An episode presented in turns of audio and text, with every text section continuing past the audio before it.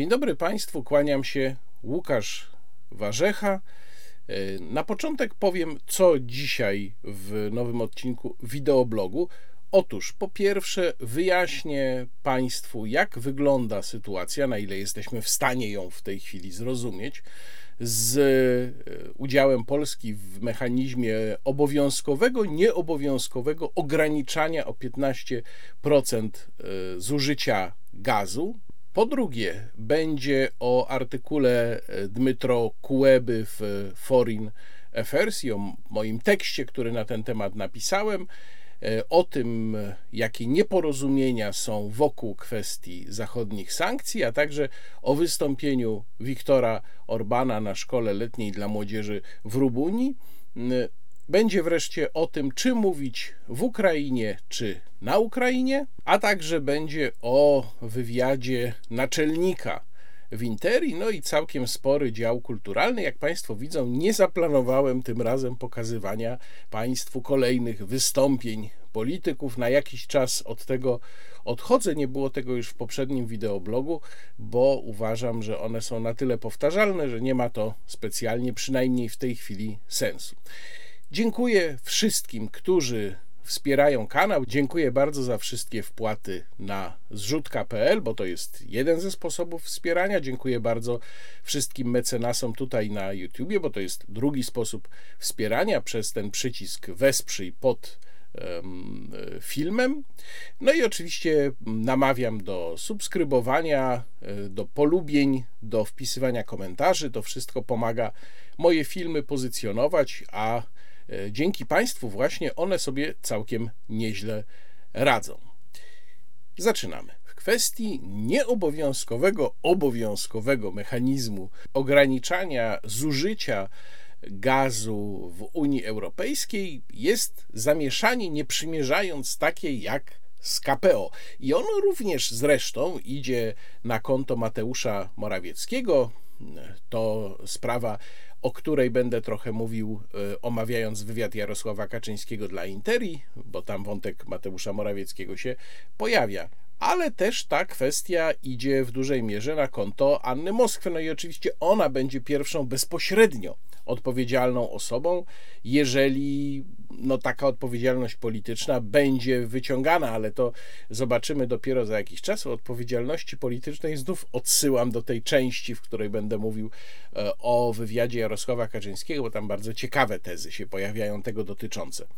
No dobrze, ale jak to właściwie jest z tym systemem, na co myśmy się zgodzili, na co myśmy się nie zgodzili, bo tutaj głosy są faktycznie najróżniejsze i najdziwniejsze. Z jednej strony mamy dużo głosów oburzenia również ze strony polityków PiS, bo co zaskakujące, mm, taki głos oburzenia i to na zasadzie nie rozumiem działań polskiego rządu e, popłynął na przykład ze strony pana profesora Zdzisława Krasnodębskiego, mm, europosła Prawa i Sprawiedliwości. Również były tego typu e, sygnały ze strony pana profesora e, Legutki, e, czyli europosłowie sygnalizują swoje niezadowolenie i sygnalizują, że coś zrobiliśmy nie tak. Wiemy też, że wewnątrz samego PiS tutaj w kraju takie głosy niezadowolenia i głosy przekonane, że Anna Moskwa zgodziła się na coś, czego nie rozumiała do końca, też się pojawiają. No a mamy jednocześnie takie głosy jak Krzysztofa Sobolewskiego, który w takim wywiadzie na szybko udzielonym, bo to widać po tym, że wywiad był niedoredagowany, to taki wywiad interwencyjny, no bo niektórzy dziennikarze takie wywiady robią. To z maili Dworczyka mogliśmy się przekonać, że tam jak jest potrzeba, to, to szybko idzie. No więc to taki wywiad interwencyjny w, w, na portalu w Polityce, gdzie Krzysztof Sobolewski mówi: Nie, nie, jest pełno wyłączeń, do, my się do wszystkich kwalifikujemy, więc w ogóle ten system nas nie interesuje. No dobrze, to jak zwykle jest bicie piany takie charakterystyczne dla polityków, natomiast żeby się zorientować, jak naprawdę jest, to trzeba zajrzeć po prostu do dokumentów. Na ile jesteśmy w stanie do nich zajrzeć, bo nie wszystkie jeszcze są dostępne, ale o tym za chwilę też powiem. Jaka tutaj była procedura? No więc tak. Po pierwsze, Komisja Europejska opracowała swoją propozycję tego mechanizmu. I ta propozycja, ona jest dostępna, pełny jej tekst. Ja mam go tutaj, proszę bardzo.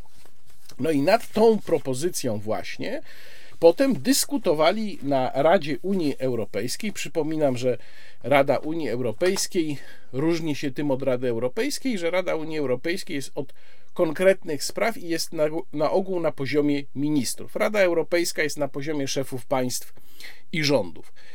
No więc y, dyskutowali na Radzie Unii Europejskiej 26 lipca i właśnie tam reprezentowała Polskę Anna Moskwa. Rada się odbywała pod przewodnictwem czeskiego ministra, dlatego że Czechy w tej chwili mają prezydencję. No i na Radzie właśnie czeska prezydencja przedstawiła propozycję zmian zdając sobie sprawę z tego, że niezadowolenie i protesty przeciwko tej propozycji Komisji Europejskiej były na tyle duże, że prawdopodobnie tej propozycji w pierwotnym kształcie nie udałoby się mm, e, przegłosować. Protestowały takie kraje jak Włochy, Hiszpania, Grecja, Portugalia, e, więc no, naprawdę skala tego była duża. Co ciekawe, w tych materiałach, które ja czytałem dotyczących tej regulacji, nigdzie nie była wymieniona Polska jako kraj protestujący przeciwko temu mechanizmowi. To zaskakujące dosyć, biorąc pod uwagę, że przecież tutaj w kraju no, cały czas mowa była o tym, że my się na to nie godzimy, prawda, na ten mechanizm. No, to, to, to też zastanawiające. To tak wygląda trochę, jakby ten głos protestu się nie przebił do dziennikarzy obsługujących tam na miejscu w Brukseli tę tę całą brukselską machinę. Czyli może on tam był po prostu jakoś wyjątkowo cichy, no nie wiem. Powiedzmy e, najpierw, jakie są te główne założenia propozycji Komisji Europejskiej, które nie zostały przez propozycję prezydencji czeskiej zmienione. O tym, co się zmieniło, to za chwilę e, powiem. No więc, e, po pierwsze, mechanizm redukcji jest dobrowolny w tym sensie, że jest apel do krajów, żeby redukowały zużycie gazu dobrowolnie. Ten okres, który obejmuje redukcja, zaczyna się 1 sierpnia, kończy się 31 marca następnego roku. To jest uznawane za taki mm, okres implementacji w każdym e, sezonie i cały mechanizm ma obowiązywać minimum e, dwa lata. Tak to jest napisane w propozycjach Komisji Europejskiej, że ponieważ zakłócenia w dostawach gazu będą przynajmniej trwały właśnie dwa lata, no to, to właśnie ma być e, ten, ten e, czas obowiązywania tego mechanizmu ma właśnie wynosić e, przynajmniej dwa lata. Tam po roku ma być ocena Komisji Europejskiej tego, jak on funkcjonuje. No ale ponieważ znów odwołuje się do dokumentu, ponieważ dobrowolne Dobrowolna redukcja może nie być wystarczająca wobec trudności, z jakimi spotyka się Europa, no to może być ogłoszony stan alarmowy i ten stan alarmowy już oznacza redukcję obowiązkową. Ta redukcja obowiązkowa ma wynosić minimum 15% liczone w stosunku do przeciętnego zużycia gazu w ciągu ostatnich 5 lat przez dany kraj. Y, Komisja Europejska powołuje się mm, w kilku miejscach w tym dokumencie na zasadę solidarności energetycznej Unii Europejskiej, co jest o tyle zabawne, że w gruncie rzeczy cały ten mechanizm i jego źródło, no to są obawy przede wszystkim niemieckie o to, że Niemcom zabraknie gazu. No więc y, Niemcy, które ewidentnie łamały ordynarnie zasadę solidarności energetycznej, tworząc z Rosją wspólnie projekt Nord Stream 2, teraz domagają się i, rob, i robią to poprzez organy Unii Europejskiej, żeby powstał taki mechanizm solidarności energetycznej. Oczywiście nie tylko Niemcy są zagrożone tymi brakami gazu, no ale one tutaj są główną siłą, która stoi za tym projektem. Paradoks polega na tym, że jak nasi politycy się oburzają na to i mówią, że nie, Solidarności nie możemy deklarować wobec kraju, który sam ją łamał wcześniej. Ja się z tym też w dużej mierze zgadzam, jeżeli już w ogóle mówimy tu o takiej zasadzie jak Solidarność w Unii Europejskiej. Natomiast proszę pamiętać, że przecież nasze zbilansowanie, które podobno mamy osiągnąć, zbilansowanie gazowe na najbliższy sezon opierało się na założeniu, że my będziemy część gazu dostawać rewersem z Niemiec, gazu rosyjskiego, przez gazociąg jamalski.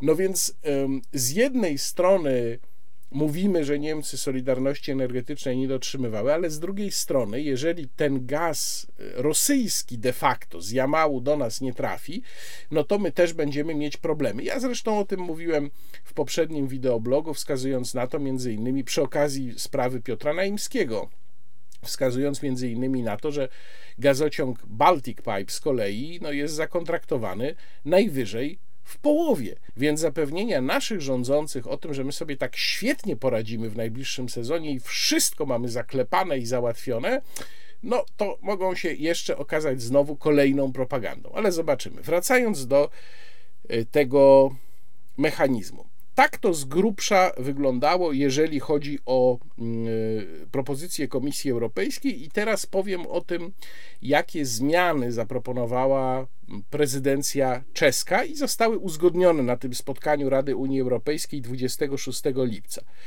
Y, po pierwsze, dosyć ważna zmiana polega na tym, że to nie Komisja Europejska ma uruchamiać mechanizm alarmowy, tak było w propozycji Komisji, no trudno się dziwić, prawda? Miała to robić Komisja albo na wniosek y, trzech organów regulacyjnych, energetycznych z krajów członkowskich, albo nawet własną inicjatywą całkowicie miała tutaj działać. Natomiast teraz ma być tak, że stan alarmowy ma być deklarowany przez Radę Unii Europejskiej i to będzie głosowane większością kwalifikowaną. Czyli, krótko mówiąc, my możemy zostać po prostu przegłosowani w sprawie wprowadzenia tego stanu alarmowego. Y, Rada może to zrobić albo na wniosek komisji, albo na wniosek pięciu państw członkowskich. I drugi y, cały blok zmian, który zaproponowała prezydencja czeska, dotyczy kluczowej dla nas sprawy, tej, o której mówiła pani minister Moskwa, czyli wyłączeń z tego systemu. Tutaj mamy dwie kategorie tych wyłączeń. Jedna to są wyłączenia automatyczne, czyli są pewne obiektywne warunki, które powodują, że państwo z automatu nie bierze udziału w tym mechanizmie. A druga kategoria to są wyłączenia zwane derogacjami, to są wyłączenia warunkowe, czyli o tym, czy warunki do wyłączenia są spełnione, decyduje Komisja Europejska. No to zobaczmy, jakie to są możliwości i jak to wygląda z polskiego punktu widzenia. Po pierwsze, automatycznie będą wyłączone kraje, które nie mają połączenia z europejskim systemem gazowym, i to są e, właściwie głównie trzy kraje. Trzy kraje wyspiarskie Unii Europejskiej: Malta, e, Cypr i Irlandia. Drugie automatyczne e, wyłączenie to są właśnie te kraje, które mm, nie są połączone z systemem elektrycznym. I to z kolei y, są y, kraje bałtyckie. Trzy kraje bałtyckie, ponieważ one są połączone jeszcze z tym systemem rosyjskim, bo to jest pozostałość po Związku Sowieckim. Gaz ma tam duże znaczenie, jeżeli chodzi o generowanie elektryczności. One też są z tego systemu wyłączone. Czyli już mamy sześć krajów, które są wyłączone z automatu. Z automatu. Teraz druga kategoria to są kraje, które i to już mówię teraz o wyłączeniach nieautomatycznych. Kraje, które importują e, gaz LNG spoza Rosji, żeby następnie przekazywać go w jak największym stopniu innym państwom Unii Europejskiej. Za takim rozwiązaniem między innymi bardzo była E, Hiszpania, ponieważ Hiszpania dokładnie tak właśnie robi. Hiszpania ma gaz spoza tego systemu europejskiego. No i może go rozsyłać innym. Ważne zastrzeżenie tutaj jest, że e, te kraje e, muszą mieć też ograniczony, ograniczone połączenie z systemem europejskim. Czyli ograniczone połączenie z systemem europejskim, import gazu LNG i przekazywanie tego gazu LNG w najwyższym możliwym stopniu, tak to jest ujmowane w tych przepisach innym państwom Unii Europejskiej. No to jest właśnie przy, przykład Hiszpanii. Kolejna, kolejne tutaj wyłączenie to są kraje, które przekroczyły unijny próg magazynowania gazu, czyli mają zmagazynowane gazu więcej niż wynosi unijny próg, ale uwaga, unijny próg nie jest e, w liczbach bezwzględnych, czyli nie jest w milionach metrów sześciennych. Unijny próg jest e, procentowy, jeżeli chodzi o zapełnienie magazynów i wynosi 80%. E, granica to jest 1 listopada, czyli kraje, które będą miały więcej niż 80% zapełnienia swoich magazynów gazu 1 listopada, mm, są e, objęte tą kategorią warunkowego wyłączenia.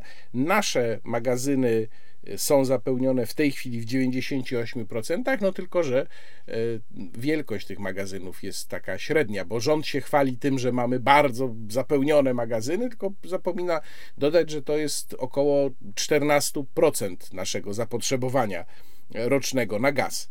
Kolejna kategoria wyłączeń to są kraje, które w ciągu ostatniego roku zwiększyły swoje zużycie gazu o minimum 8%.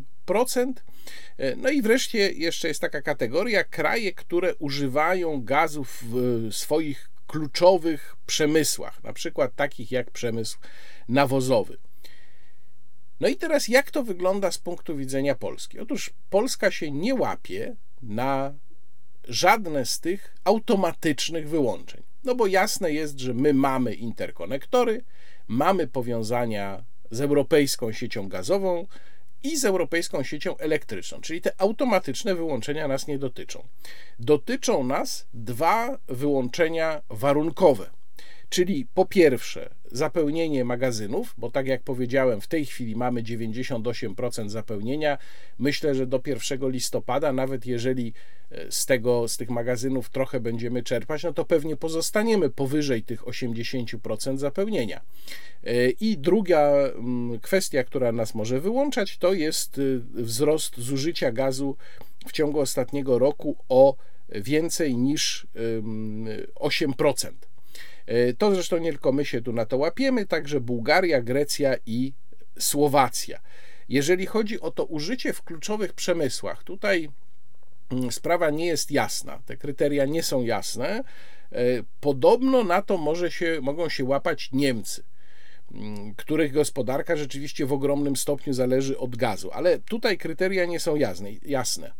E, I teraz ważna sprawa jest taka, że nie mogę powiedzieć Państwu dokładnie, jak to jest zapisane, ponieważ mimo, że od y, spotkania Rady Unii Europejskiej minęło już kilka dni, na stronach Rady wciąż nie ma skonsolidowanej postaci wniosków z politycznych z tego spotkania, czyli nie ma skonsolidowanej postaci tej propozycji po zmianach wprowadzonych podczas Rady. Nie wiem, dlaczego to tyle trwa, zwłaszcza biorąc pod uwagę, że sprawa jest dosyć kluczowa, no ale w momencie, kiedy sprawdzałem na potrzeby swojego wideoblogu, jeszcze tego nie było, natomiast no, znamy dosyć dokładnie te e, parametry. I teraz, gdzie jest w takim razie haczyk? Pani minister Moskwa mówi, że ta propozycja jeszcze będzie głosowana że będzie głosowanie y, zdalne w tej sprawie i mówi, że będzie można zgłaszać uwagi. No nie będzie można zgłaszać uwag, bo propozycja już została uzgodniona właśnie na spotkaniu Rady Unii Europejskiej. To, co teraz państwa członkowskie mogą zrobić, no to zagłosować za nią albo przeciwko niej. Mamy pewną, pewien gotowy mechanizm, Moment na uzgodnienia był w czasie spotkania Rady Unii Europejskiej i teraz my możemy już tylko zagłosować za albo przeciw. Tu warto dodać, że mm, przeciwko, jedynym państwem, które było przeciwko na Radzie Unii Europejskiej 26 lipca były Węgry, które powoływały się na e, kwestię swojej, swojego interesu narodowego, mówiąc, że nie może być tak, że mm, e, będziemy się przymusowo dzielić gazem, który jest ważny dla naszego przemysłu czy dla naszych obywateli. Podsumowując, na co myśmy się zgodzili? Otóż rzeczywiście w tym systemie, inaczej niż mówi pan Sobolewski, e, jest pewna liczba możliwych wyłączeń, ale to nie jest tak, że my wszystkie spełniamy. My spełniamy dwa warunki, które mogą oznaczać wyłączenie, ale mogą też oznaczać jedynie niższy poziom redukcji. I teraz najważniejsza sprawa, ponieważ te warunki nie są automatyczne, to znaczy, że my musimy zgłosić wniosek o to, że chcemy być wyłączeni, lub też chcemy mieć niższy poziom redukcji, i Komisja Europejska będzie oceniać, czy ten nasz wniosek należy uwzględnić. Czyli od Komisji Europejskiej w tym mechanizmie będzie zależało, czy dane państwo rzeczywiście spełniło taki warunek, czy nie.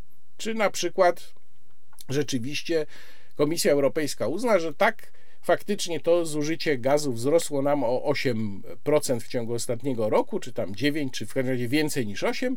No i w związku z tym, czy my y, mamy w ogóle być zwolnieni z tego mechanizmu, czy też mamy mieć na przykład nie po 15%, ale redukcja o powiedzmy 10% tylko. No i tutaj właśnie jest pies pogrzebany, czy też może powinienem powiedzieć bardziej adekwatnie do tej sytuacji Dalikt der Hund begraben, bo jaki jest stosunek Komisji Europejskiej do Polski, no to chyba doskonale wiemy. Ja na przykład nie mam wątpliwości, że kiedy Polska się w ramach tego mechanizmu zwróci do Komisji Europejskiej, że my tu bardzo prosimy, chcemy być wyłączeni z tej obowiązkowej redukcji, to Komisja Europejska się pochyli nad tymi papierami i powie na przykład: No, tak, tak, oczywiście, droga Polsko, masz rację. Yy, możecie zredukować o 14%, nie o 15%. No tak to prawdopodobnie będzie wyglądało i na to się zgodziliśmy, bo że ta propozycja będzie ostatecznie przegłosowana, nawet jeżeli my zgłosimy tutaj swój sprzeciw, to ja większych wątpliwości co do tego nie mam. I jeszcze jedna kwestia, o której trzeba wspomnieć w związku z e, mechanizmem obowiązkowego, nieobowiązkowego ograniczania zużycia gazu o 15%. No bo można się zastanawiać, Jaki to będzie miało wpływ na polską gospodarkę, jeżeli się okaże, że Komisja Europejska nie uwzględnia naszych wniosków i musimy tego mm, ograniczenia dokonać? W dokumencie Komisji jest y, napisane, że należy przede wszystkim chronić y, tych najsłabszych odbiorców Czyli e, krótko mówiąc, wynika z tego, że najpierw należy mm, zamykać przedsiębiorstwa, czy też ograniczać działalność przedsiębiorstw, czy też po prostu uderzać w gospodarkę, a potem dopiero w odbiorców indywidualnych i tam jeszcze trochę zmieniono treść tego e, właśnie na spotkaniu Rady Unii Europejskiej, podkreślając jeszcze mocniej ten element. Czyli krótko mówiąc, może się okazać, że mm, najbardziej oberwą polscy przedsiębiorcy, polskie zakłady, które używają gazu, jeżeli dojdzie do takiego obowiązkowego ograniczenia. I tutaj warto chyba zwrócić uwagę na pewien przepis, który do tej pory nie był zauważany, a który znalazł się w ustawie o zarządzaniu kryzysowym z powodu nowelizacji, które, którą do tej ustawy wprowadziła z kolei ustawa z 12 marca tego roku o pomocy obywatelom Ukrainy. I tam, jak to zwykle bywa, jak to robi PiS, y, poza całym blokiem różnych regulacji wprowadzono też oczywiście zmiany w innych ustawach, na które nikt wtedy nie zwrócił uwagi. No i między innymi w sytuacji kryzysowej, która to sytuacja kryzysowa, mm, zgodnie z definicją wziętą z ustawy o zarządzaniu kryzysowym, właśnie może się pojawić dokładnie e, w momencie, kiedy zabraknie nam gazu, czy kiedy będziemy musieli ograniczyć to e, zużycie gazu. Otóż e, tam dodano cały segment artykułów po artykule 7 ustawy o zarządzaniu kryzysowym i dodano między innymi artykuł 7a i w tym artykule 7a w punkcie pierwszym czytamy: W sytuacji kryzysowej prezes Rady Ministrów może z własnej inicjatywy albo na wniosek szefa kancelarii prezesa Rady Ministrów lub ministra kierującego działem administracji rządowej wydawać polecenia obowiązujące. Kogo obowiązujące? No i w czwartym podpunkcie mamy osoby prawne i jednostki organizacyjne nieposiadające osobowości prawnej oraz przedsiębiorców. Czyli krótko mówiąc, pan premier w sytuacji kryzysowej może po prostu wydać polecenie jakiejś firmie, że ma na przykład zaprzestać produkcji. Czy Państwo rozumieją, co to oznacza? To jest wyposażenie w tak zwanej sytuacji kryzysowej szefa rządu w kompetencje praktycznie dyktatorskie. To jest jedno pismo pana premiera, na przykład do firmy produkującej glazurę łazienkową, bo tam się gazu dużo zużywa, i tam jest na przykład w tym piśmie będzie polecenie, że mają zawiesić produkcję na, nie wiem, na miesiąc. No i koniec. I oni muszą to zrobić, bo taką zmianę wprowadzono w ustawie o zarządzaniu kryzysowym. To jest rzecz, znowu kolejna, kolejna wrzutka, której nikt oczywiście nie zauważył, a która powoduje, że pan premier Morawiecki będzie miał w sytuacji właśnie takiej, kiedy będzie trzeba ten gaz, to zużycie gazu ograniczyć, będzie miał w zasadzie kompetencje dyktatora. I jak się Państwo z tym czują? A teraz trochę rozważań wokół y, moich dwóch tekstów, głównie tego, który napisałem w Rzeczpospolitej. Drugi tekst y, to jest y, z zeszłotygodniowego już wydania do rzeczy, w którym analizowałem, jaki jest wpływ sankcji nakładanych na Rosję, na samą Rosję, a jaki na tych, którzy je nakładają, ale przede wszystkim zauważyłem, że bardzo duże wzburzenie, zwłaszcza w partii wojny, polskiej partii wojny, wywołał tekst mój w Rzeczpospolitej. Zresztą ja się cieszę z tego, dlatego że taki jest również cel publicystyki. Ona ma pobudzać pewien ferment. No problem jest taki, że w Polsce ten ferment niestety się bardzo często sprowadza do tego, żeby y, obrazić tego, kto stawia pytania, albo żeby polemizować z tym, co się samemu wymyśliło, a nie co jest tam napisane. Zresztą podam tutaj dosyć jaskrawy przykład takiego postępowania za chwilę. No w każdym razie widać, że tam gdzieś w, w czuły punkt uderzyłem partię wojny, pisząc e, ten tekst. Rzecz jasna, link do tekstu zamieszczam w opisie filmu, żeby Państwo również mogli go przeczytać. E, I e, w tym tekście uwzględniłem, czy odniosłem się do mm, artykułu e, Dmytro Kułeby, ukraińskiego ministra spraw zagranicznych, zamieszczonego e, na portalu Foreign Affairs w, mniej więcej w połowie czerwca tego roku. E, tekst nazywał się How Ukraine Will Win, czyli jak wygra Ukraina, ukraińska teoria zwycięstwa. Innymi słowy, Dmytro Kuleba opisywał, że właściwie zwycięstwo jest pewne i jak to się e, stanie. Ja w swoim tekście w Rzeczpospolitej namawiam do realnego spojrzenia. Czego w spojrzeniu Dmytro Kuleby, ale także naszej partii wojny brakuje? Przede wszystkim brakuje uwzględnienia czynnika społecznego w Unii Europejskiej. I tutaj odsyłam do y, pierwszej części tego wideoblogu, bo przecież cała kwestia właśnie niedoborów gazu to jest jednocześnie kwestia nastrojów społecznych w Europie wokół wojny.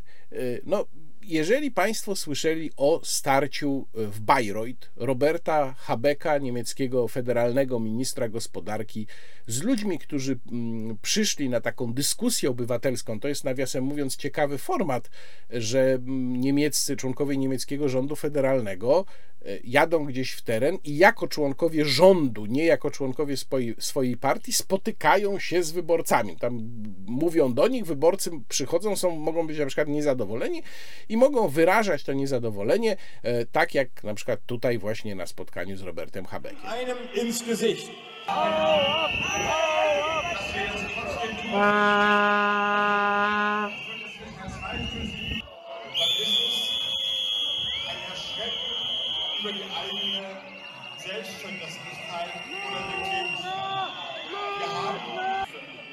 Und das wird sicherlich die Debatte des Augustus und September stark dominieren.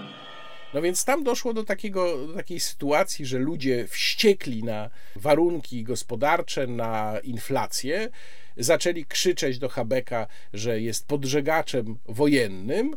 No a Habek odpowiadał, że to nie on jest podżegaczem wojennym, tylko Władimir Putin. Zresztą odpowiadał słusznie, natomiast widać, że nastroje w Niemczech są takie, jakie są. I to rzecz jasna nie są tylko nastroje w Niemczech, ponieważ wszędzie tam, gdzie ta sytuacja uderza w zwykłych ludzi, będzie narastało niezadowolenie, a im dalej od teatru wojennego, tym ono będzie większe, no bo będzie takie poczucie, co jest zupełnie naturalne, że dlaczego my tutaj, nie wiem, w Belgii, we Francji, we Włoszech mamy ponosić konsekwencje tej wojny, które dla nas są już bardzo odczuwalne, a ci Ukraińcy nie chcą tam pójść na żaden kompromis. I ja w swoim tekście w Rzeczpospolitej nie oceniam tego. Po prostu taka jest rzeczywistość społeczna. Tutaj oburzanie się jakieś na ludzi właśnie w Bayreuth, czy nie wiem, w Mediolanie, czy w Antwerpii nic nie da. Po prostu tak jest i to trzeba uwzględnić. I tego w swojej kalkulacji, w tekście Foreign Affairs, też zresztą link zamieszczam, no z tym, że tam tekst jest za paywallem, Dmytro Kuleba tego nie uwzględnia. To znaczy, on tam wspomina o tym, że to, na, to będzie narastało to, to zniecierpliwienie, ale nie uwzględnia tego w wystarczającym e, stopniu. Za moment jeszcze więcej powiem na temat tej pewnej nierównowagi, która występuje między Rosją a Zachodem, jeżeli chodzi właśnie o ten czynnik społeczny, pewnej nierównowagi, bardzo dużej nierównowagi. Ale jeszcze jedna kwestia, tutaj jeszcze się chcę odnieść do artykułu Dmytro Kuleby i do tego, co napisałem w Rzeczpospolitej. Otóż Dmytro Kuleba tam snuje takie rozważania, że jak już Putin zostanie przyciśnięty y, bardziej do muru dzięki dużym dostawom broni dla Ukrainy, no to on wtedy będzie miał taki impuls, żeby e, w jakiś sposób tę wojnę zakończyć czy rozpocząć negocjacje, ale niekoniecznie na swoich warunkach, ponieważ będzie mógł to zaprezentować e, własnym obywatelom, na przykład jako prezent w postaci pokoju że no tu dobrze powalczyliśmy, osiągnęliśmy nasze cele, no a teraz ja tu wam przynoszę pokój. Tak to widzi Kueba. I nawet można by powiedzieć, że w tym jest pewna dobra intuicja, ponieważ od e, prawie że początku tej wojny pojawiają się słuszne mm, rozważania, również w Foreign Affairs już e, co najmniej jeden taki tekst czytałem, dotyczące zbudowania, to jest pojęcie z Sun Tzu, e, zbudowania złotego mostu Putinowi, czyli stworzenia mu takiej możliwości, żeby on mógł zaprezentować ostateczny wynik wojny jako swój sukces i żeby mógł się dzięki temu wycofać. Foreign Affairs był tekst, który porównywał, którego autor porównywał sytuację na Ukrainie do sytuacji w Afganistanie, pokazując jak wycofując się z Afganistanu, Związek Sowiecki też mógł właśnie się wycofać po takim pozłacanym, jak to określił autor, tam nie złotym, tylko właśnie pozłacanym moście, który tworzył pozory, można to było tak pokazać sowieckiemu społeczeństwu, pozory zwycięstwa. No to oczywiście mamy też zagadnienie tego, co tak naprawdę jest wygraną, bo bardzo często widzę, jak się gdzieś spotykam z tymi rozważaniami, a co tutaj, kto tu wygrywa, kto przegrywa, no to nie ma przede wszystkim definicji wygranej i przegranej, a przecież to tutaj przy takich rozważaniach jest kluczowe. Wracając do, do tekstu Kueby i do mojego tekstu w Rzeczpospolitej. Kueba mówi, pisze, że Putin mógłby pokazać na przykład swoim, e, swoim ludziom, Rosjanom, że proszę bardzo, przynoszę wam pokój. Tylko, że Kueba kompletnie nie uwzględnia, że Rosjanie wcale nie chcą pokoju. Rosjanie e, uważają w zdecydowanej większości, i tu można się odwołać do badań Centrum Lewady, czyli chyba ostatniego centrum badania opinii publicznej w Rosji, które jest uważane za wiarygodne, że to jest słuszna wojna, że Ukraińcom się należało, że tak trzeba było zrobić, więc nie ma tutaj takiego odruchu, że czekamy, aż przywódca jednak przywróci nam pokój. Owszem, są takie segmenty rosyjskiego społeczeństwa. Mm, znów zaczął powstawać, jak przy okazji wojny w Czeczeni, ruch matek żołnierzy. Okej, okay. tylko dla Putina to nie ma żadnego znaczenia kompletnie. I tutaj Kueba popełnia zasadniczy błąd, i ja ten błąd w swoim tekście w Rzeczpospolitej mu wytknąłem. I tutaj pozwolą Państwo, że przeczytam cały akapit, który tego dotyczył, a przeczytam go również po to, żeby pokazać Państwu, jak ciężko się argumentuje i prowadzi debatę z ludźmi, którzy są tak tępi, że nie rozumieją, co czytają. Cytuję. Wreszcie, co może najważniejsze, kalkulacja, jaką przedstawił Kueba Foreign Affairs, zakłada, że Putin ulegnie pewnym racjonalnym przesłankom. Na przykład zechce wystąpić wobec własnego narodu jako ten, który przynosi mu pokój i uwalnia od wojennego brzemienia. Ukraiński minister zasadza swoje wnioskowanie na przekonaniu, że Putin będzie rozumował tak, jak rozumują zachodni przywódcy. To iluzja. Gdyby rosyjski prezydent rozumował w taki sposób, nie rozpoczynałby przede wszystkim wojny. Z zachodniego, racjonalnego punktu widzenia był to absurd, niosący ze sobą bardzo wysokie ryzyko, podczas gdy Rosja mogła spokojnie osiągnąć bardzo znaczące, jeśli nie większe korzyści, wojny nie wywołując, ale stosując samą presję ekonomiczną i surowcową. Paradoksalnie Putin nie docenił znaczenia demokracji jako czynnika zabezpieczającego jego samego przed jakimikolwiek agresywnymi ruchami NATO. Jeśli faktycznie taka obawa była jedną z przesłanek rozpoczęcia przez niego wojny. Mowa tu oczywiście o demokracjach na Zachodzie, wcześniej się w tekście do tego odwoływałem. Zachodnie demokracje z powodu presji swoich obywateli nigdy nie poparłyby żadnej agresji wobec Moskwy. Zbliżenie NATO do granic Rosji nie ma tu zatem żadnego znaczenia, a jeśli z rosyjskiego punktu widzenia jakieś ma, to sprawa akcesji Szwecji i Finlandii do sojuszu pokazuje, że działanie Moskwy jest kontrproduktywne. Teraz tłumaczę jeszcze raz, o co mi tutaj chodzi. Chodzi mi o to, że Kueba, po pierwsze, Kueba twierdzi, że Putin jest w stanie rozumować tak, jak rozumują zachodni przywódcy, według zachodniej racjonalności. Wypadki pokazują, to jest drugi punkt, że nie jest w stanie, bo gdyby tak rozumował, to przede wszystkim nie rozpoczynałby tej wojny. Po trzecie, piszę tutaj, że zachodnie demokracje mają wbudowany pewien hamulec, który nie pozwoli im na agresywne, ofensywne działanie wobec Rosji, czy nie pozwoliłby im w warunkach, zanim wybuchła wojna. Myślę, że teraz też nie, ale zanim wybuchła wojna, tym bardziej. I dlatego, tłumaczę, przybliżenie się NATO do granic Rosji poprzez przyjęcie Polski, państw bałtyckich, Rumunii i tak dalej, nie stanowiło de facto dla Rosji żadnego zagrożenia. Ja oczywiście wiem, że Rosjanie widzą to inaczej, no bo to właśnie nie jest zachodnia racjonalność. I to próbował między innymi e, tłumaczyć Mirsheimer, za co go spotykały cięgi, albo Cejrowski w Polsce. Jak to widzą Rosjanie? Rosjanie widzą to inaczej. Ale de facto Putin nie rozumie tego, że demokracje na Zachodzie powodują, że tego zagrożenia tak naprawdę nie ma. I tego dotyczył mój wywód.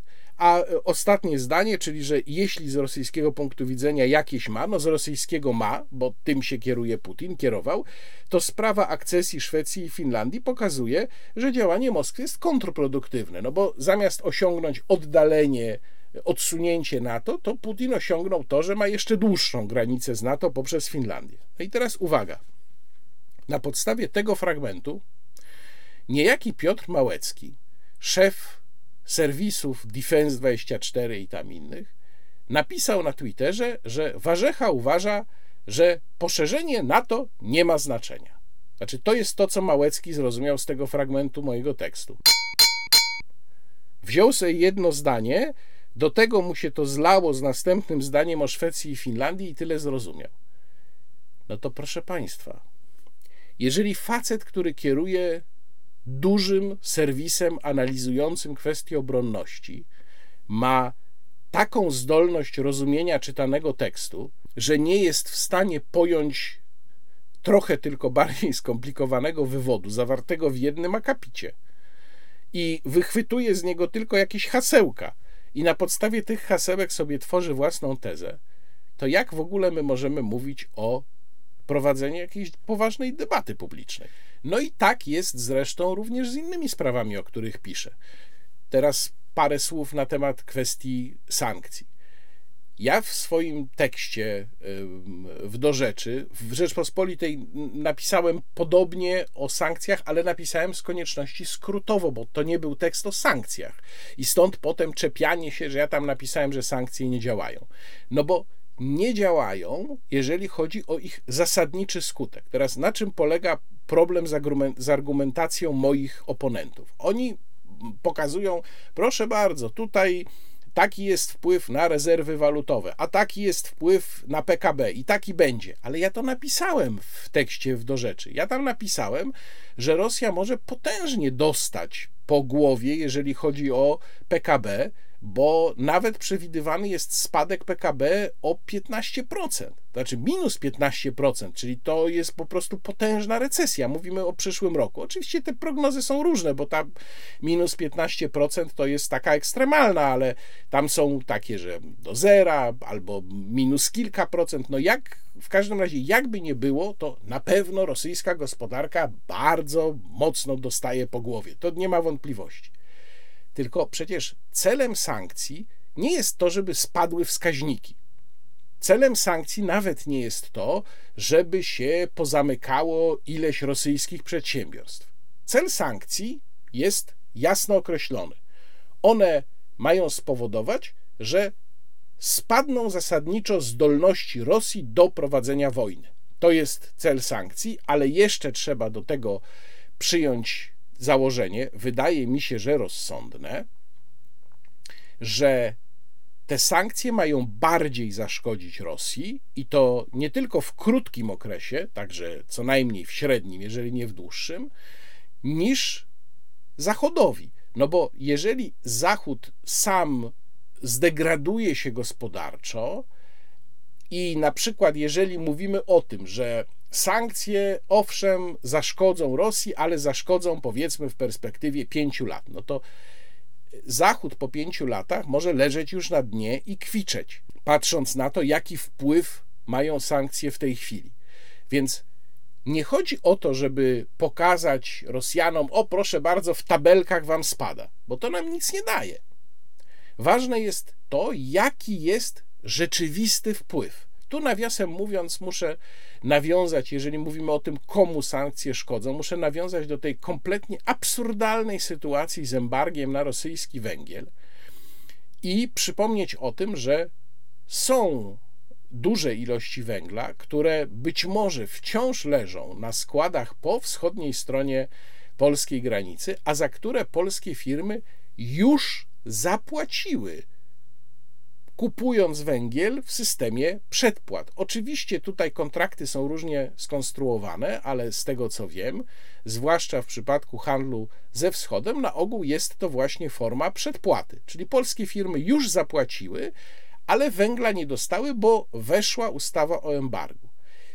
I tutaj kompletnie nie rozumiem, dlaczego Prawo i Sprawiedliwość tak się upiera, żeby tego węgla do Polski nie wpuścić. Przecież jeżeli celem jest to, żeby nie dać zarobić Rosjanom, no to i tak już te pieniądze zostały zapłacone. Więc nawet z punktu widzenia założeń samego PiSu, trzymanie tego węgla poza polską granicą no nie ma absolutnie żadnego sensu. On już został opłacony i w tej chwili obrywają w związku z tym, że nie można go sprowadzić do Polski, tylko polskie firmy, polscy importerzy i polscy obywatele. Więc dlaczego PiS upiera się, żeby nie znowelizować ustawy o embargu i nie umożliwić sprowadzenia tego węgla firmom, które będą w stanie pokazać dowód, że już za niego zapłaciły. Przecież to nie jest skomplikowane w sensie prawnym i logistycznym tego po prostu nie rozumiem. Ale tu jeszcze wracam do kwestii e, wpływu mm, sankcji. Sankcje i to napisałem w tekście w do rzeczy, miały kilka wymiarów. To nie jest tak, że są jakieś jedne sankcje. Były sankcje dotyczące mechanizmów finansowych, były sankcje osobiste, czyli wymierzone w ludzi powiązanych z Władimirem Putinem, były wreszcie sankcje dotyczące sprowadzania surowców, były sankcje dotyczące technologii.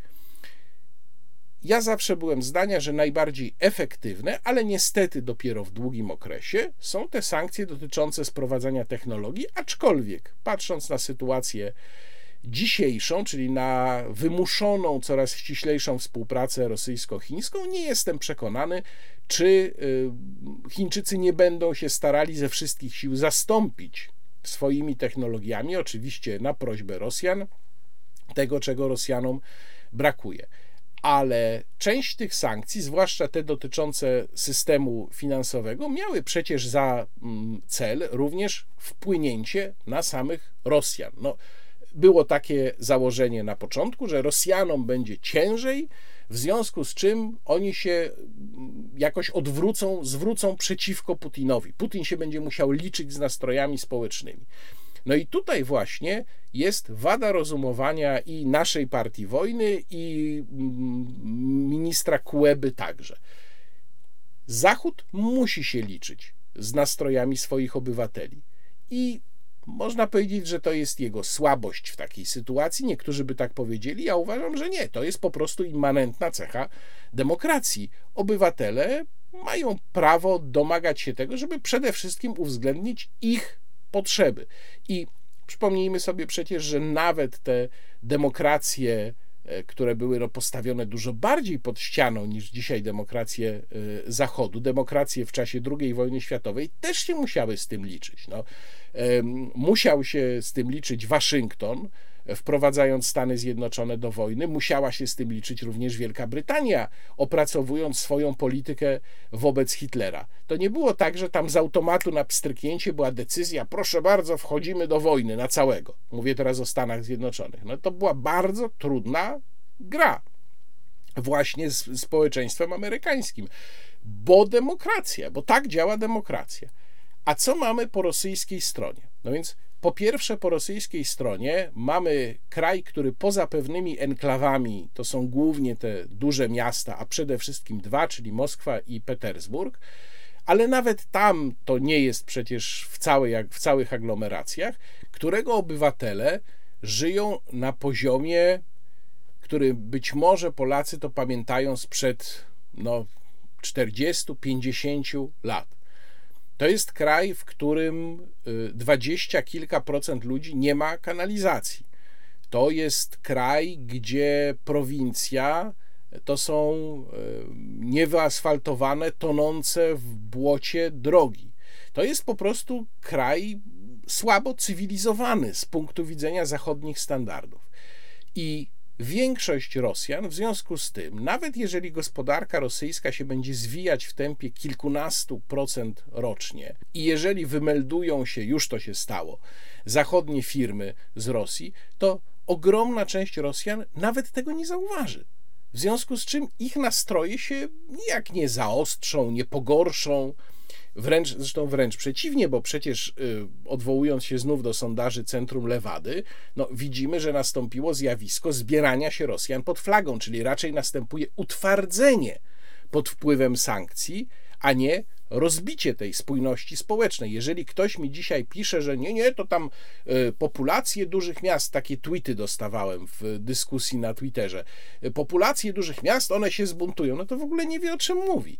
Takie bunty społeczne w Rosji, takie jak na przykład protesty na Placu Błotnym w związku z tym, że Putin miał po raz kolejny zostać niespodziewanie prezydentem, zastępując na tym stanowisku Dmitrija Miedwiediewa, takie protesty to tam no, zawsze trwały trochę. Był, to była jakaś, jakiś malutki procent populacji danego miasta i były po prostu brutalnie tłumione i ktoś, kto pisze o tym, że tutaj społeczeństwa dużych miast i klasa średnia jakiś bunt przed się wezmą, no to w ogóle nie ma pojęcia o czym pisze. To niech trochę poczyta o tym, jak wygląda dzisiejsza Rosja, e, jak tam działa na przykład FSB.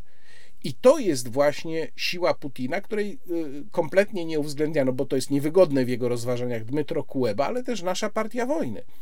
To jest można powiedzieć, z punktu widzenia partii wojny, tak by należało powiedzieć, że to jest przewaga Putina. Tylko, że oni tej przewagi nie chcą zauważać.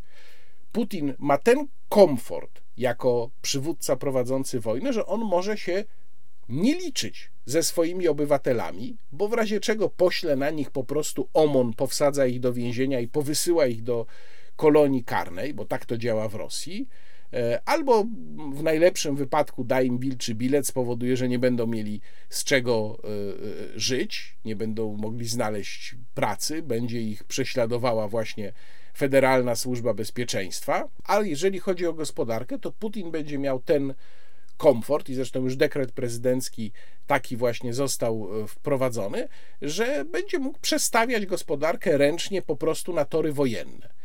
I nawet jeżeli Rosja będzie, że tak powiem, ten y, tłuszcz, którym jakoś tam obrosła z powodu wysokich, cen surowców, będzie zużywać i spalać, to ona może to robić przez naprawdę długi czas. W tym czasie, próbując zastępować to, co straciła na Zachodzie, związkami z krajami BRICS. Więc to jest cały ten kompleks spraw, których Dmytro Kuleba nie widzi i nasza partia wojny też ich nie widzi. Czyli jeżeli ja piszę, że sankcje nie działają i stawiam tezę, że ich działanie w przyszłości będzie ograniczone, to nie mam na myśli tego, że one się nie odbiją na wskaźnikach, tylko mam na myśli to, że one nie osiągają i nie osiągną zasadniczego celu, którym jest osłabienie zdolności wojennych Rosji na tyle szybko, żeby w tym czasie Zachód nie pozbawił się swoich zdolności gospodarczych, wojskowych itd. Tak I tutaj właśnie jest ten punkt sporu. No ale jak widać, tego typu rozważania, jak powiedziałem, bardzo irytują przedstawicieli członków partii wojny, bo na mój artykuł zareagowali m.in. Romuald Szeremietiew, właśnie pan Małecki zareagował, dowodząc, że w ogóle nie jest w stanie zrozumieć jakiegoś troszkę bardziej skomplikowanego tekstu. Zareagował też Cezary Kaźmierczak ze Związku Przedsiębiorców i Pracodawców, który się nie zajmuje niczym innym, tylko właśnie e, sprawami wojny. Czy zareagował Tomasz Wrublewski, niestety zamieszczając o właśnie e, taki tweet, no to ja mógłbym w odpowiedzi e, napisać czy powiedzieć, że ja z kolei chciałbym cały czas wierzyć, że stanowisko w tych sprawach Związku Przedsiębiorców i Pracodawców i Warsaw Enterprise Institute e, wynika tylko z naiwności i emocjonalności, a nie z jakichś innych powodów. Nawiasem mówiąc, jeżeli już wspominamy ZPP, to też jest ciekawe, że właśnie w kontekście tych firm, które e, no, są na skraju bankructwa, bo opłaciły rosyjski węgiel, a nie były w stanie go sprowadzić do Polski z powodu mm, ustawy o embargu na węgiel i tutaj ja nie słyszałem, żeby ZPP się jakoś tymi firmami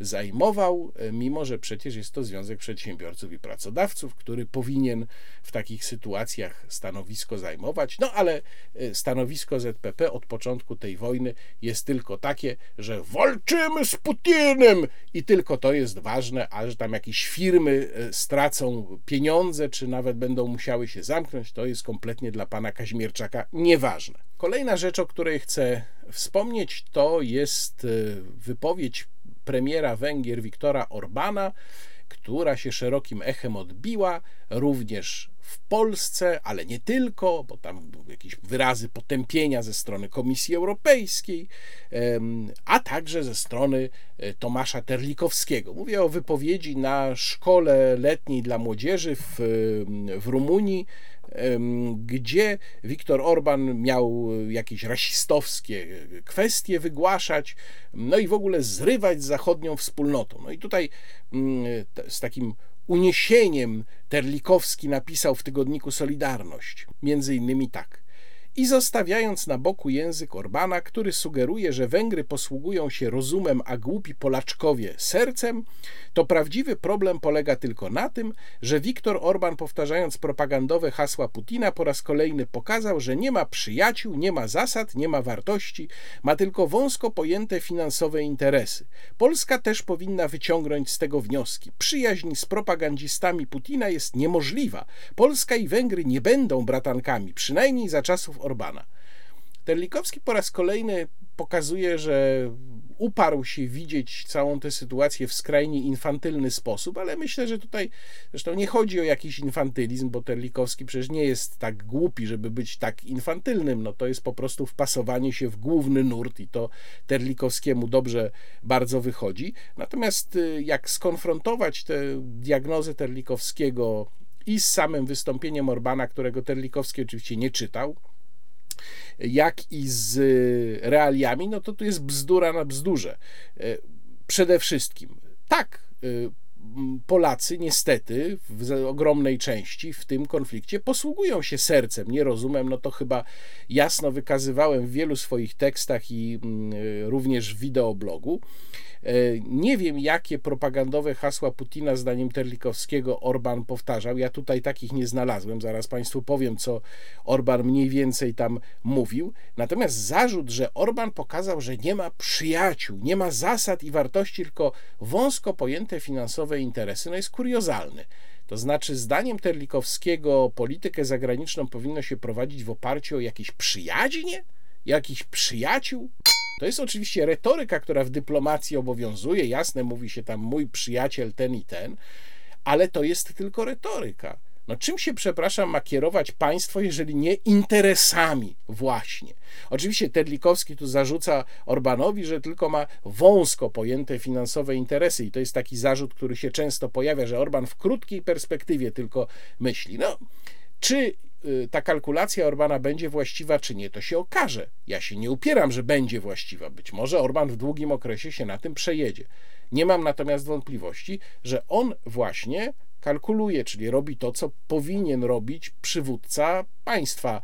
Y, jeżeli Orban stwierdza, a tak powiedział w tym wystąpieniu, że to nie jest węgierska wojna, no to przyjął pewne stanowisko, które jego zdaniem ma jak najbardziej ochronić Węgrów przed skutkami tego konfliktu.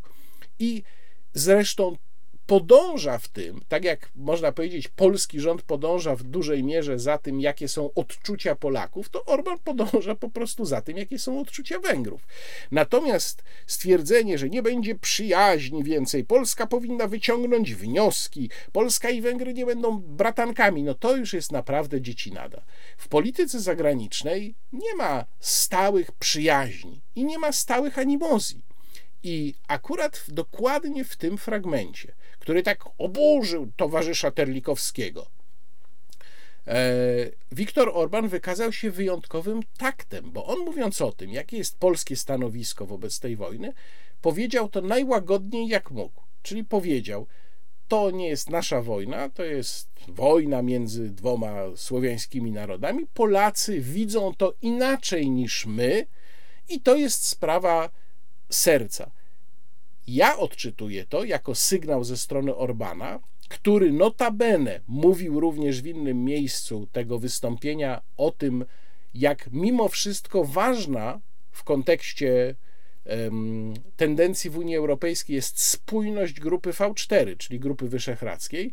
Ja to odczytuję jako stwierdzenie, w tej sprawie się nie zgadzamy, ale to jest ta sprawa a mogą być inne sprawy, w których się będziemy zgadzać, więc odłóżmy to na razie, wrócimy do tych spraw, które nas łączą w przyszłości. No niestety odpowiedź ze strony polskiej jest oczywiście jak zwykle tam wzmożona, bo Mateusz Morawiecki mówi, tak, Orban ma rację, nie będzie już przyjaźni. No właśnie taki i taki Terlikowski pisze to, e, co pisze. No to pokazuje po prostu niedojrzałość w widzeniu polityki e, zagranicznej.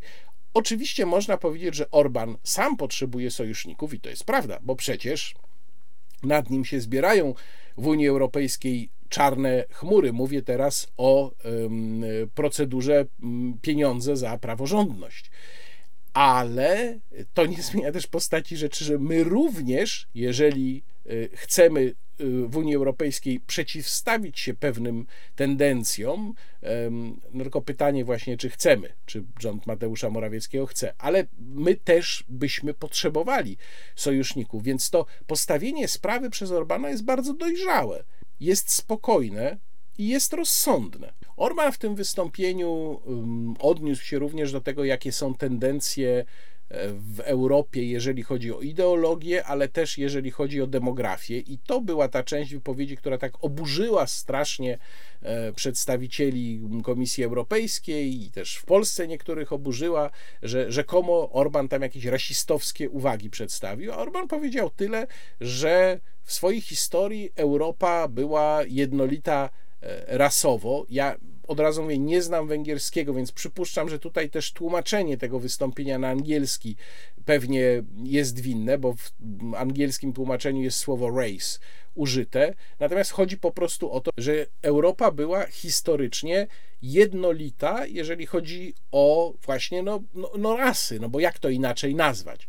Natomiast w wyniku polityki imigracyjnej część państw, zachód Europy, no już nie jest taki. Jest, y, to są kraje, gdzie rasy są wymieszane, to nie są już kraje jednolite narodowościowo i taki był sens tej wypowiedzi. Zdaniem Wiktora Orbana to nie jest dobrze. No ja w tym nie widzę nic skandalicznego, to jest pewna diagnoza sytuacji. No i wreszcie Orban tam w tym wystąpieniu dużo mówi o kwestii dostępności surowców, że to jest sprawa kluczowa, jeżeli chodzi o e, przyszłość Zachodu.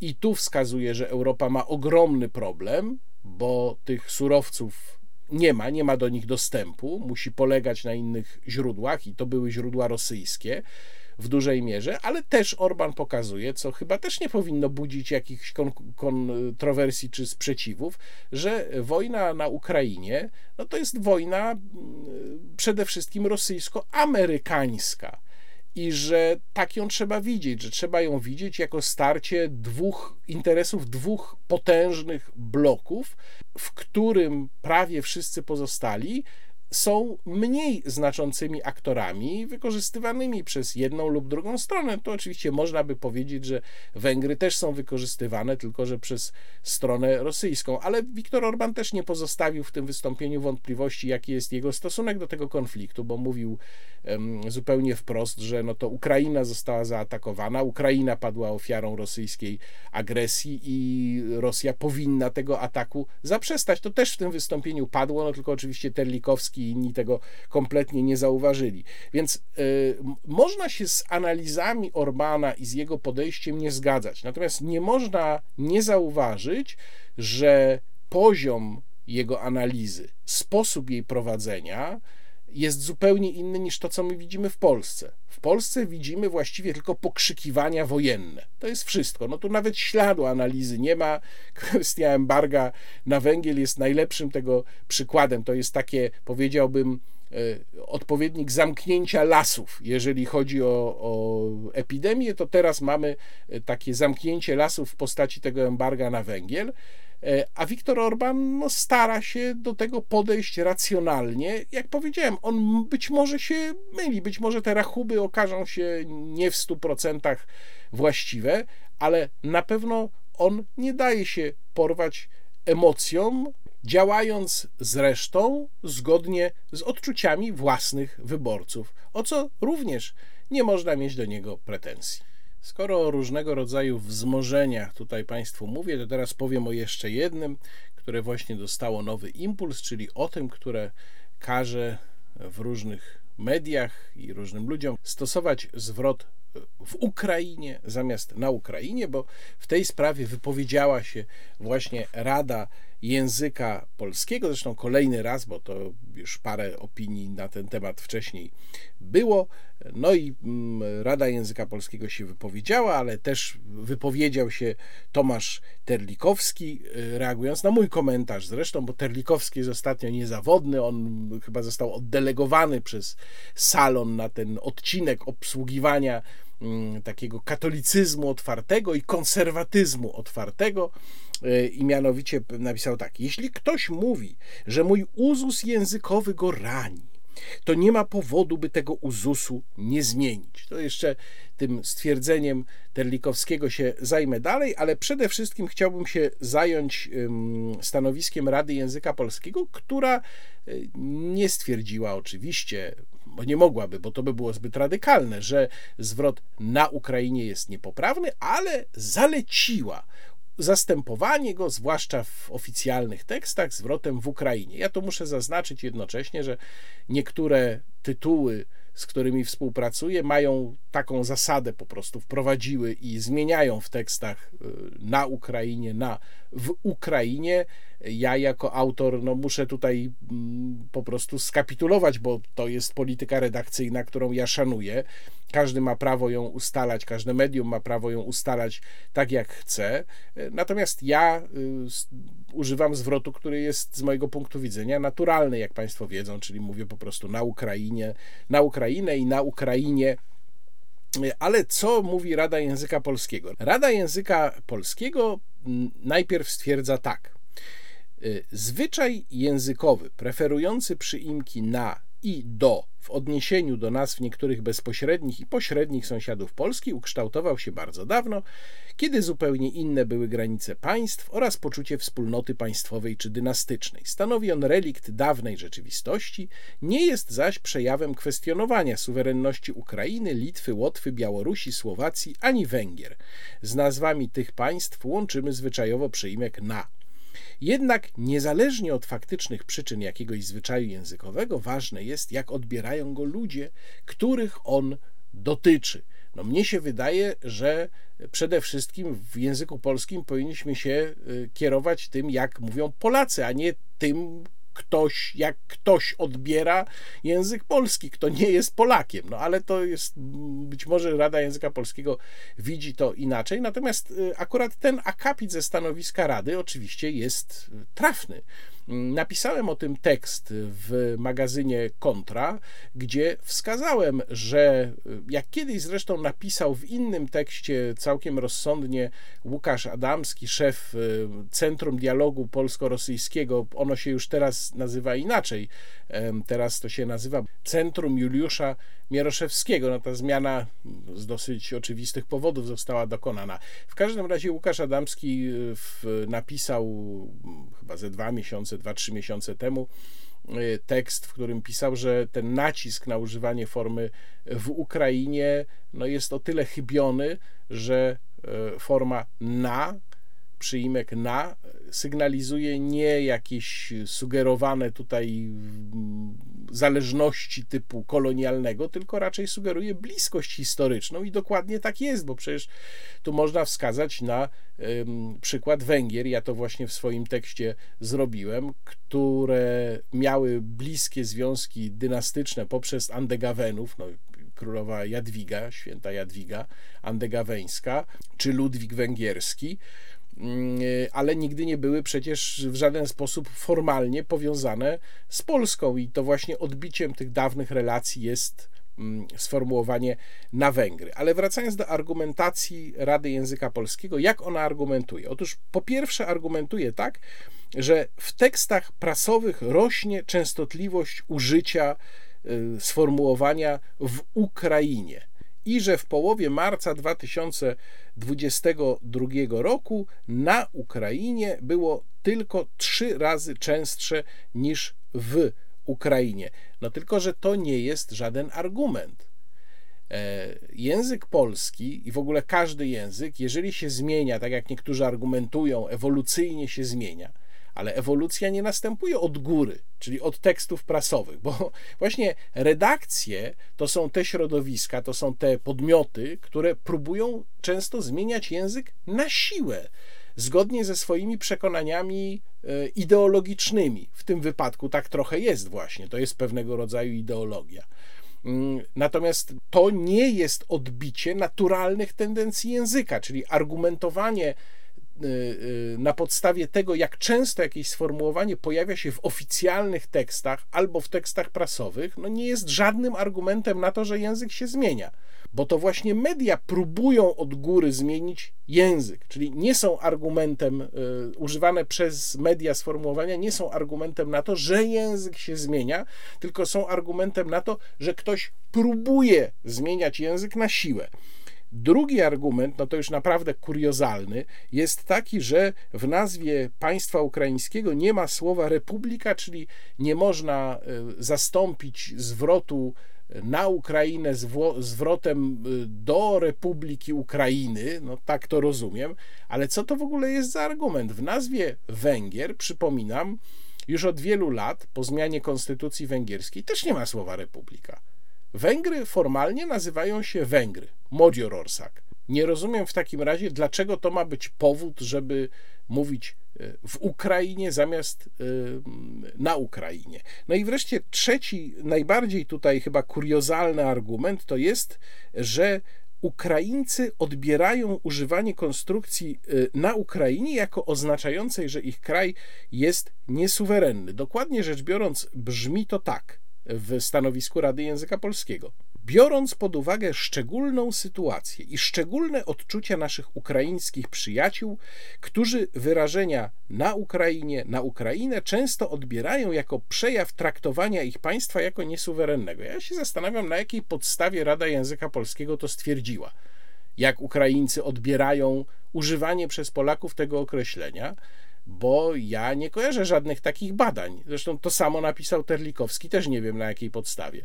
Nawet napisałem do Rady Języka Polskiego e, z pytaniem, na jakiej podstawie sformułowali taki pogląd, że Ukraińcy często tak to odbierają. Chciałbym poznać tę podstawę faktyczną, no bo chyba Rada Języka Polskiego nie wzięła sobie tego stwierdzenia z sufitu, prawda? To by było raczej niemożliwe.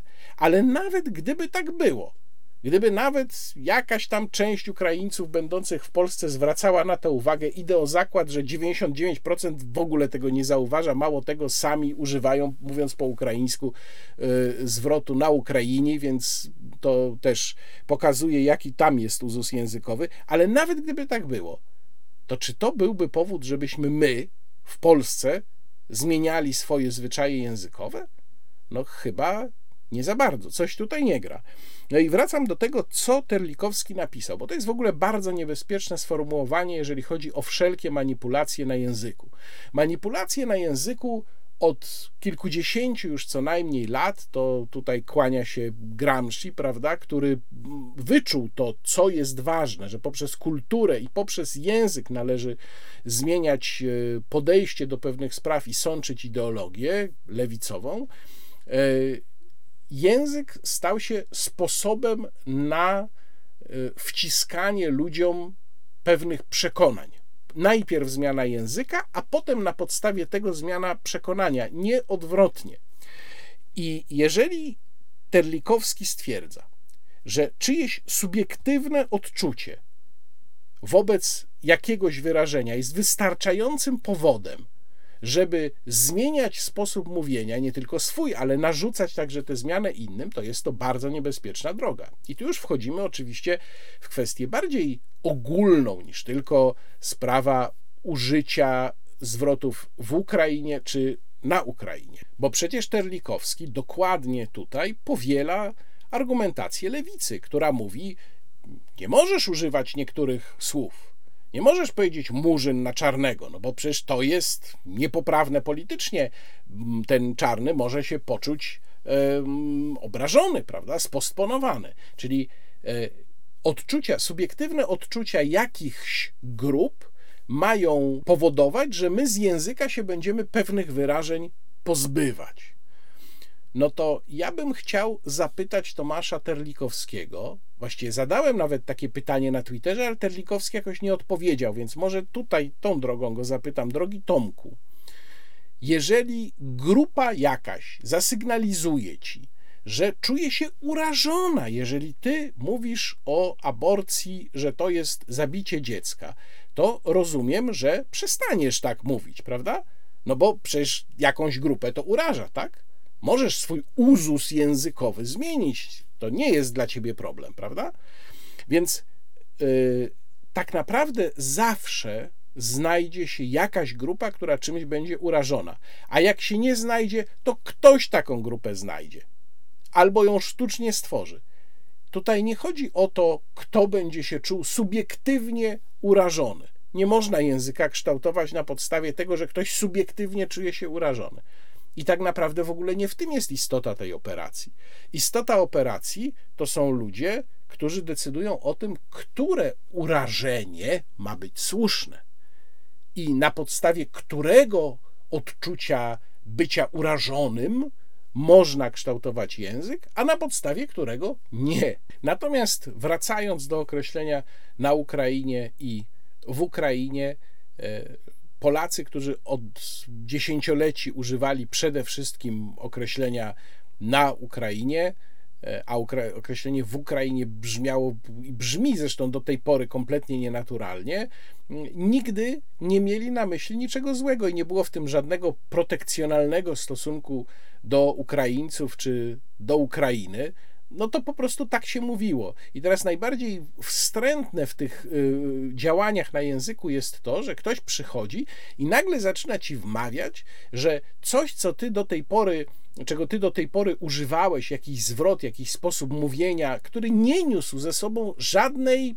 mm, ukrytej konotacji, żadnego ukrytego przesłania, że właśnie niósł tylko ty tego nie widziałeś. No to jest przecież dokładnie to, co się mówi na przykład, jeżeli chodzi o feminatywy, prawda? Że yy, no to, te, to, że się używało i używa, ja nadal używam, yy, męskiej formy na określenie przedstawicieli jakiejś grupy i kobiet i mężczyzn, no to było takie dyskryminujące wobec kobiet. Nie można tak mówić, prawda? I potem są te wszystkie wystąpienia, w których mm, do znudzenia się pojawiają te formy Polki i Polacy, pracowniczki i pracownicy, posłanki i posłowie, no bo nie można przecież powiedzieć po prostu pracownicy czy Polacy, bo to jest dyskryminujące wobec kobiet. Tak się właśnie za pomocą języka operuje na e, ideach. I Terlikowski doskonale to powinien wiedzieć. Mało tego, ja jestem przekonany, że on to doskonale wie i doskonale to rozumie. Więc jest pytanie, dlaczego mówi i pisze to, co mówi i pisze. No ale to już pozostawiam Państwa domysłom.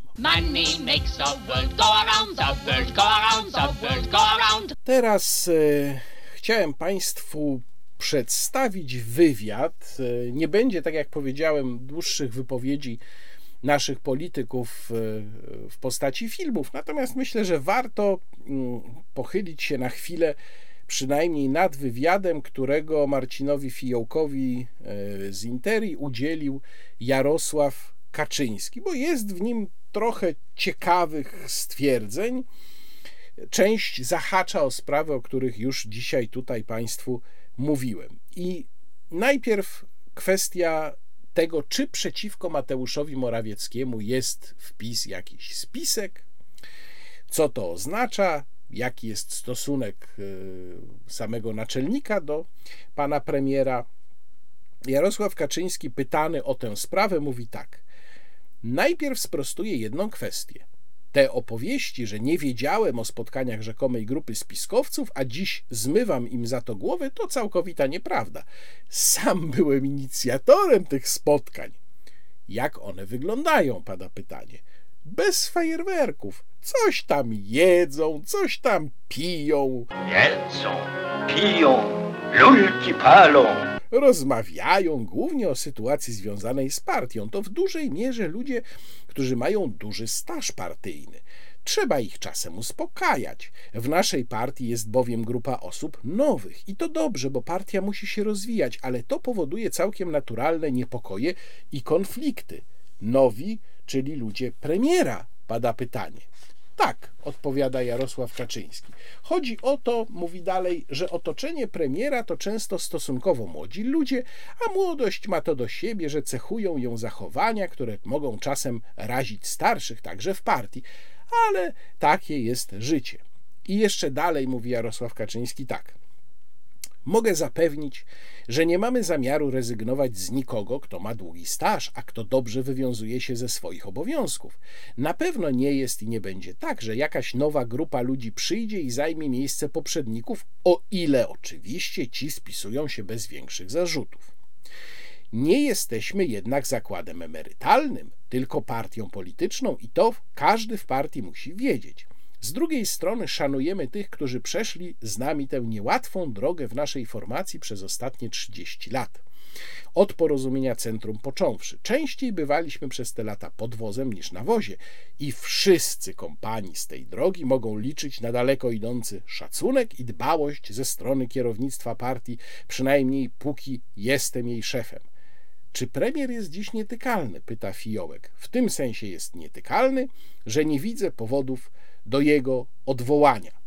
To jest bardzo ciekawy fragment, bo po pierwsze, on pokazuje, że Jarosław Kaczyński próbuje sprowadzić istotny konflikt dotyczący kompetencji Mateusza Morawieckiego i całej linii jego polityki, który rzeczywiście wpis jest, i to nie jest tylko konflikt Ziobro Morawiecki. To jest konflikt, no powiedzmy, rdzeń Prawa i Sprawiedliwości kontra Morawiecki, do takiego sporu, że tam, a, przyszli młodzi, no młodzi to wiadomo, tam dynamiczni, no starsi się trochę burzą, trzeba mieć wzajemny szacunek. No nie, to jest próba zmiatania pod dywan rzeczywistego konfliktu o zasadniczy kierunek, w którym Mateusz Morawiecki prowadzi Polskę i ten konflikt wewnątrz PiS jest. Jednocześnie uderzające jest to zapewnienie takie w stylu Piłsudskiego, prawda? Kto tam był ze mną w Legionach, to będzie miał dobrze. Nieważne, że jest głupi, durny, że tam zagarnia pod siebie, nieważne, będzie miał dobrze. No więc to jest takie zapewnienie pod um, w kierunku starych towarzyszy partyjnych, prawda? Tutaj starzy partajgenosen mogą liczyć, my ich nie zostawimy, nieważne jacy są, ale jak, jak, prawda, będą tu się przyzwoicie zachowywać, to my ich nie zostawimy. Więc to też pokazuje, w jaki sposób Jarosław Kaczyński traktuje państwo, no bo przecież te deklaracje, że my nie zapomnimy o nich, to nie jest tak, że nie zapomnimy o nich w sensie, nie wiem, no partia się nimi zaopiekuje. To jest deklaracja tego, że oni będą mieli dobrze, dopóki partia rządzi, bo partia może ich ulokować w różnych miejscach państwa. No do tego się to sprowadza. I jest to jakaś próba prawdopodobnie wygaszenia napięć wewnątrz samego obozu Zjednoczonej Prawicy. Zresztą za chwilę, jak Państwu przeczytam, to również taka próba zostaje podjęta e, w kierunku Solidarnej Polski. Teraz są pytania dotyczące e, afery z węglem i to również e, Państwu przeczytam. Jeżeli chodzi o czas, to przypomnę panu, mówi Jarosław Kaczyński, scenę z samochodu Donalda Tuska, który nagrał film, w którym pokazuje palcem, że wagony wiozą ruski węgiel i że trzeba to natychmiast powstrzymać. Für Deutschland. Była presja, by zrobić, y, presja, by zrobić to szybko, była ogromna. Proszę więc te pytania skierować też do opozycji. No dobrze, ja sam zwracałem uwagę na to, że opozycja zupełnie bez sensu mm, wywierała tę presję na rządzących. No ale przepraszam bardzo, no to jednak nie Donald Tusk podejmuje decyzję, tylko tu podejmował decyzję pan premier. To znaczy Jarosław Kaczyński chce nam w tym momencie powiedzieć, że rząd działa pod dyktando opozycji? No bo tak wynika z tego fragmentu, prawda? I dalej, y, mówiąc o sprawach logistycznych, o których ja mówiłem Państwu w poprzednim wideoblogu, mówi Jarosław Kaczyński, tylko panie redaktorze, to nie myśmy nie inwestowali w porty i wydzierżawili, bywa, że i na 30 lat, nabrzeża i tereny portowe. Czyli okazuje się, że o, już jest nowy winny sytuacji z węglem, prawda? Poprzednicy, którzy wydzierżawili tereny portowe, bo przecież powinni byli przewidzieć 15 lat temu czy 10 lat temu, że będzie wojna, panie, i będzie problem problem z węglem wynikający z tego, że Morawiecki podejmie bezsensowną decyzję o przedwczesnym embargu. A nawet y, jeżeli rzeczywiście tak jest, że jakaś część problemu wynika z tego, że tam jakieś nabrzeża zostały wydzierżawione, y, no to przecież rząd chyba wiedział, jaka jest ta sytuacja, prawda? Więc jeżeli premiera zawiadamiano jeszcze w lutym, że rezerwy węgla są niskie, to chyba premier powinien mieć świadomość tego, jaka jest przepustowość polskich nabrzeży, więc to nie jest raczej wytłumaczenie. No ale dalej mówi Jarosław Kaczyński tak. podnoszenie dziś rozliczeń właśnie w sprawie węgla jest kompletnie bez sensu. Czasu nie cofniemy, a dziś tego czasu jest wystarczająco dużo, by zdążyć z dostawami, by nikt nie siedział w zimnym mieszkaniu. No i dalej mówi jeszcze tak: niezależnie od tego, czy rację mają ci, którzy mówią, że potrzeba nam kilka milionów ton, czy ci, którzy liczą raczej kilkanaście milionów ton, węgla wystarczy, proszę mnie trzymać za słowo będziemy trzymać, panie prezesie. Nie wiem skąd ten optymizm urzędowy mm, naczelnika, bo moim zdaniem czasu absolutnie nie jest wystarczająco dużo i o tym już mówiłem wielokrotnie, więc nie będę tutaj się powtarzał. Natomiast bardzo uderzające jest to stwierdzenie, że podnoszenie dziś rozliczeń jest kompletnie bez sensu. To znaczy, rozumiem, że Jarosław Kaczyński w ogóle podważa w tym momencie ideę odpowiedzialności politycznej. No bo co to znaczy podnoszenie rozliczeń jest bez sensu? No mamy jeden z najpoważniejszych kryzysów surowcowych wywołany przez absurdalną decyzję rządu, a Jarosław Kaczyński mówi, że nie należy z tego rozliczać, jak rozumiem, pana premiera. No to właściwie powinien, będąc konsekwentnym, odnieść tę samą zasadę do Donalda Tuska, prawda? No jaki jest sens rozliczać Donalda Tuska z czegokolwiek, skoro z tego bieżącego kryzysu nie rozliczamy pana premiera? Chociaż dalej Jarosław Kaczyński stwierdza, że no, dziś nie ma sensu nikogo rozliczać, choć wraz z zakończeniem operacji wszystkiemu przyjrzymy się jeszcze raz, na spokojnie, bez zaciekłości i chęci karania kogoś za wszelką cenę. Jeżeli ktoś coś zaniedbał, to będą wyciągnięte konsekwencje. To ja mogę od razu powiedzieć panu, panie prezesie, kto zaniedbał. On się nazywa Mateusz Morawiecki. Jest w tym wywiadzie wątek odwołania Piotra Naimskiego. Tych fragmentów nie będę Państwu cytował. Link do wywiadu zamieszczam w opisie, mogą Państwo sami przeczytać. Natomiast jest też ciekawy wątek maili Michała Dworczyka i prezes Trybunału Konstytucyjnego Julii e, Przyłębskiej i spotkania pana ministra Dworczyka z panią prezes Przyłębską. Nawiasem mówiąc, to jest bardzo ciekawe, bo Jarosław Kaczyński tutaj w ogóle nie mówi o tym, że maile są fałszywe, bo normalnie taka narracja jest, jak się pyta przedstawiciela obozu władzy o coś, co w tych mailach było zawarte, to na ogół oni mówią, e, nie będę komentował, bo to tam ruska prowokacja. Ale Jarosław Kaczyński w ogóle tego tu nie mówi. Po prostu odpowiada na pytanie. I odpowiada na pytanie tak. Radziłbym zaniepokojonym, by zajrzeli do ustawy. Wtedy, gdy wyrok Trybunału Konstytucyjnego może spowodować negatywne zmiany w finansach publicznych, to konieczna jest konsultacja z rządem. Tylko tyle i aż tyle. Ja sam Państwu pokazywałem, e, bodajże dwa wideoblogi temu, ten artykuł ustawy o Trybunale Konstytucyjnym, który faktycznie zawiera taki przepis.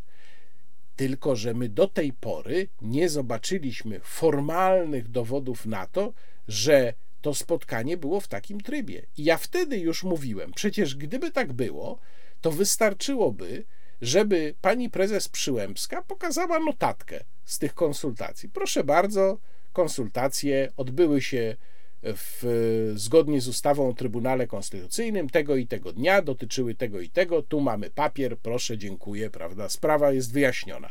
Ale myśmy tego nie widzieli do tej pory, tego nam nie pokazano.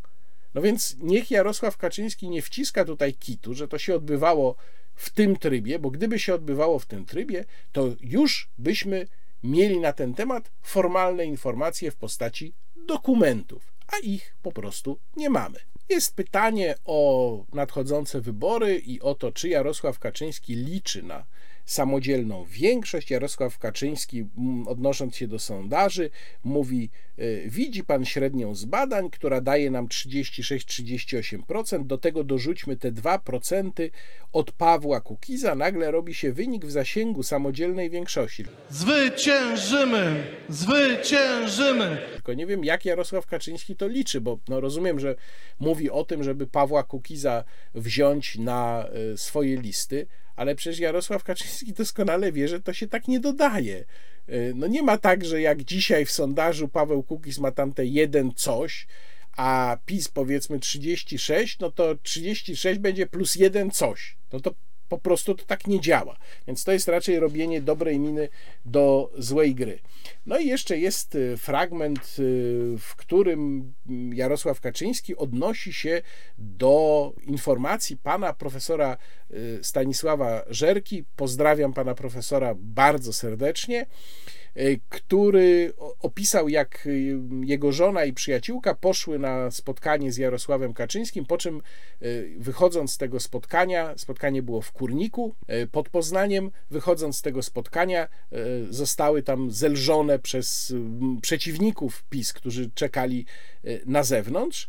I Jarosław Kaczyński, mówiąc o tym, wkomponowuje w, to, w taki schemat, który tutaj w, w, całym tym wywiadzie prezentuje, że no co prawda PiS nie jest bez skazy, no ale tamci to są dopiero, tamci to dopiero są. E, ale tutaj zauważa Marcin Fijołek. A propos mediów i profesora Żerki, codziennie raportuje on swoim obserwującym to, co dostrzega na antenie telewizji publicznej. Tekst o zgrzytaniu zębów to najdelikatniejsze porównanie, jakiego używa. No, kto obserwuje pana profesora, którego ponownie serdecznie pozdrawiam, no to wie doskonale, jak to wygląda. Y, ja mam wrażenie, że pan profesor jest po prostu masochistą, bo ja nie mogę oglądać wiadomości dłużej niż 5 minut, ponieważ y, no, dostaję apopleksji. I odpowiada Jarosław Kaczyński tak. O de gustibus non disputandum est. Panu profesorowi może się to z różnych względów nie podobać, ale niech tacy ludzie jak profesor Żerko wiedzą, kto jest po drugiej stronie politycznego sporu. Idealnego świata nie ma. Czyli cała argumentacja Jarosława Kaczyńskiego sprowadza się do doskonale znanego schematu. No co prawda, nam można różne rzeczy zarzucić, nie jesteśmy doskonali, no może się to nie podobać, to kwestia gustu, ale tamci, tamci są straszniejsi. To jest bardzo sprytna operacja socjologiczno-psychologiczna, bo po pierwsze mamy tutaj próbę wmówienia nam, że rzeczywistość jest bezalternatywna. Czyli są tylko dwie drużyny, nie ma żadnej innej, czy nie można szukać rozwiązania poza tym schematem jedni i drudzy, dwa plemiona, i że jeżeli się nie poprze naszego, no to znaczy, że automatycznie popiera się drugie plemię, które jest dużo, dużo straszniejsze. No i jeszcze jest tutaj również y, próba zmanipulowania ewidentnego sprawy telewizji publicznej, bo Jarosław Kaczyński sprowadza uwagi profesora Żerki do gustów. Mówi o gustach się nie dyskutuje, używając tutaj łacińskiej paremii. Tylko, że to nie jest kwestia gustu. To znaczy, to, że profesor Żerko dostaje piany na ustach, jak ogląda wiadomości, to jest kwestia tego, że profesor Żerko trafnie widzi rolę telewizji publicznej taką, jaka ona powinna być. I to nie jest kwestia gustu. To jest kwestia tego, że telewizja publiczna zarządów Prawa i Sprawiedliwości, zwłaszcza od pewnego momentu, po prostu przestała spełniać całkowicie funkcję telewizji publicznej. To nie jest kwestia gustu, panie prezesie. I nie jest to kwestia estetyki. To jest kwestia niewypełniania zadań medium publicznego. I jeszcze, żeby pociągnąć tę kwestię, czy ten sposób argumentowania Jarosława Kaczyńskiego, są tutaj pytania o mm, Władysława Kosiniaka-Kamysza, o to również w jaki sposób Jarosław Kaczyński o nim mówi, a jak sam y, Kosiniak-Kamysz mówi o PiS. Mm, I Jarosław Kaczyński mówi tak. W tych rozmowach Władysław Kosiniak-Kamysz to inteligentny lekarz z Krakowa, a na mównicy przekracza pewne granice. Zresztą to charakterystyczne dla PSL. Rozmawiałem kiedyś z premierem Pawlakiem, gdy przemawiał z mównicy Jan Bury, bardzo ostro nas atakując. Wskazałem na to Pawlakowi, a ten odparł: Taka jest polityka, my tego tak nie widzimy no to przypomnijmy, jak zachowują się w Sejmie, o właśnie, posłowie Prawa i Sprawiedliwości, ale to jest oczywiście tylko taki najbardziej charakterystyczny przykład. To jest właśnie ta metoda Jarosława Kaczyńskiego. No, my nie jesteśmy święci, ale tamci są jeszcze gorsi. No i wreszcie wracam tutaj do kwestii mm, przyszłego układu parlamentarnego, ale także kwestii startu w najbliższych wyborach. Wspólne listy z ziobrystami to najbardziej realny scenariusz? Pyta Marcin Fiołek. Tak, odpowiada Jarosław Kaczyński. Głowy za to oczywiście nie dam, ale to jedyne racjonalne rozwiązanie. Mój młodszy kolega z Solidarnej Polski zawsze na koniec okazuje się racjonalny. Pytanie brzmi, czy rzeczywiście do takiego rozwiązania dojdzie. Oczywiście za wcześnie dzisiaj mówić. Natomiast e, po pierwsze, Jarosław Kaczyński może mieć opory, bo Zbigniew Ziobro sprawiał mu i sprawia nadal mnóstwo problemów. Więc e, branie sobie Zbigniewa Ziobry po raz kolejny jako bagażu może być kłopotliwe, a sam Zbigniew Ziobro też zdaje sobie sprawę z tego, że Jarosław Kaczyński nie da mu już takich warunków, jak mu dał w 2019 roku. E, bo przecież silna reprezentacja Solidarnej Polski jest właśnie tym problemem, z którym Jarosław Kaczyński cały czas musi się mierzyć i który e, no, bardzo mu utrudnia w tej chwili rządzenie. Więc pewnie, nawet gdyby proponował miejsca na listach PiS Solidarnej Polsce, to pewnie zaproponuje miejsca znacznie gorsze niż to było ostatnio. Tak, żeby ta reprezentacja Solidarnej Polski była mniejsza, licząc zapewne, zapewne na to, że Zbigniew Ziobro będzie po prostu pod przymusem. No, będzie w takiej sytuacji, że będzie mu groziło, że jeżeli wystartuje samodzielnie, to się do Sejmu nie dostanie. No i prawdopodobnie Zbigniew Ziobro też sobie z tego zdaje sprawę, że na to będzie grał Jarosław Kaczyński, no ale z kolei Jarosław Kaczyński może go potrzebować, bo jednak w przeciwieństwie do Kukiza Zbigniew Ziobro wnosi mu trochę punktów i gdyby Zbigniew Ziobro postanowił nie wiem, zawrzeć koalicję, przymierze przedwyborcze z jakąś inną partią, albo gdyby postanowił wystartować niezależnie, e, no to prawdopodobnie, taka by była moja teza, jednak troszeczkę może PiSowi odebrać. Nawet jeżeli to będzie powiedzmy półtora punktu procentowego, to już w tym rozdaniu sejmowym może to mieć duże znaczenie. Jak powiedziałem, dziś jest za wcześnie mówić, jak będzie, bo do wyborów jest jeszcze ponad rok, ale y, ta deklaracja no, pokazuje, że Jarosław Kaczyński y, zaczyna myśleć y, w sprawie Ziobry bardzo pragmatycznie. I dalej w tej rozmowie jest jeszcze trochę o tym, że trzeba e, zagrzewać aparat partyjny do wysiłku, że ten aparat partyjny taki się troszkę zrobił ospały i że od września to wszystko ruszy pełną parą. No ja powiem szczerze, nie wyobrażam sobie utrzymania tego tempa od tego momentu do wyborów, a jak to jeszcze bardziej ma być rozkręcone, przez rok miałaby trwać taka intensywna kampania. Moim zdaniem struktury, działacze, politycy przez ten czas się wypalą i też może nadejść efekt przesytu. E, ale być może ta deklaracja Jarosława Kaczyńskiego, że od września te działania będą zintensyfikowane, łączy się też z oczekiwaniem, że sytuacja w sezonie zimowym, jesiennym i zimowym, w związku z problemami z surowcami, z energetyką może się zrobić trudna i trzeba ją będzie jakoś kontrolować w terenie. A teraz trochę o kulturze. Po pierwsze, przypominam, że od tego wtorku rusza w Krakowie sześciodniowy festiwal Muzyka Divina Fundacji Incanto. Wejściówki na koncerty wciąż są. Pierwszy koncert 2 sierpnia o 20.30 w Bazylice Najświętszego Serca Pana Jezusa. E, zagra zespół Profeti della Quinta i w programie Lamentacje i Responsoria Emilia de Cavalieri. To taki XVI-wieczny kompozytor włoski, który między innymi był najprawdopodobniej, bo to zdaje się nie jest w 100% pewne, ale najprawdopodobniej był jednym z uczestników kameraty florenckiej, która była środowiskiem wybitnych humanistów włoskich epoki późnego renesansu. Zapraszam oczywiście na wszystkie koncerty Muzyka Divina, które aż do niedzieli w Krakowie. I zapraszam rzecz jasna w piątek na debatę, którą będę miał przyjemność poprowadzić. Cały program znajdą Państwo pod linkiem, który załączam w opisie filmu. Drugie zaproszenie, druga rekomendacja właściwie to Muzeum Narodowe w Warszawie. Do 10 października jest tam wystawa Witkacy sejsmograf epoki przyspieszenia. Wystawa, na której zgromadzono mnóstwo dzieł e, Stanisława Ignacego Witkiewicza, dzieł ze wszystkich właściwie dziedzin, w których tworzył, bo e, są tam jego obrazy, w tym i portrety, portrety mieszczące się w różnych kategoriach zgodnie z regulaminem jego e, firmy portretowej e, i obrazy, które nie są portretami, a które właściwie są mniej znane niż portrety Witkacego.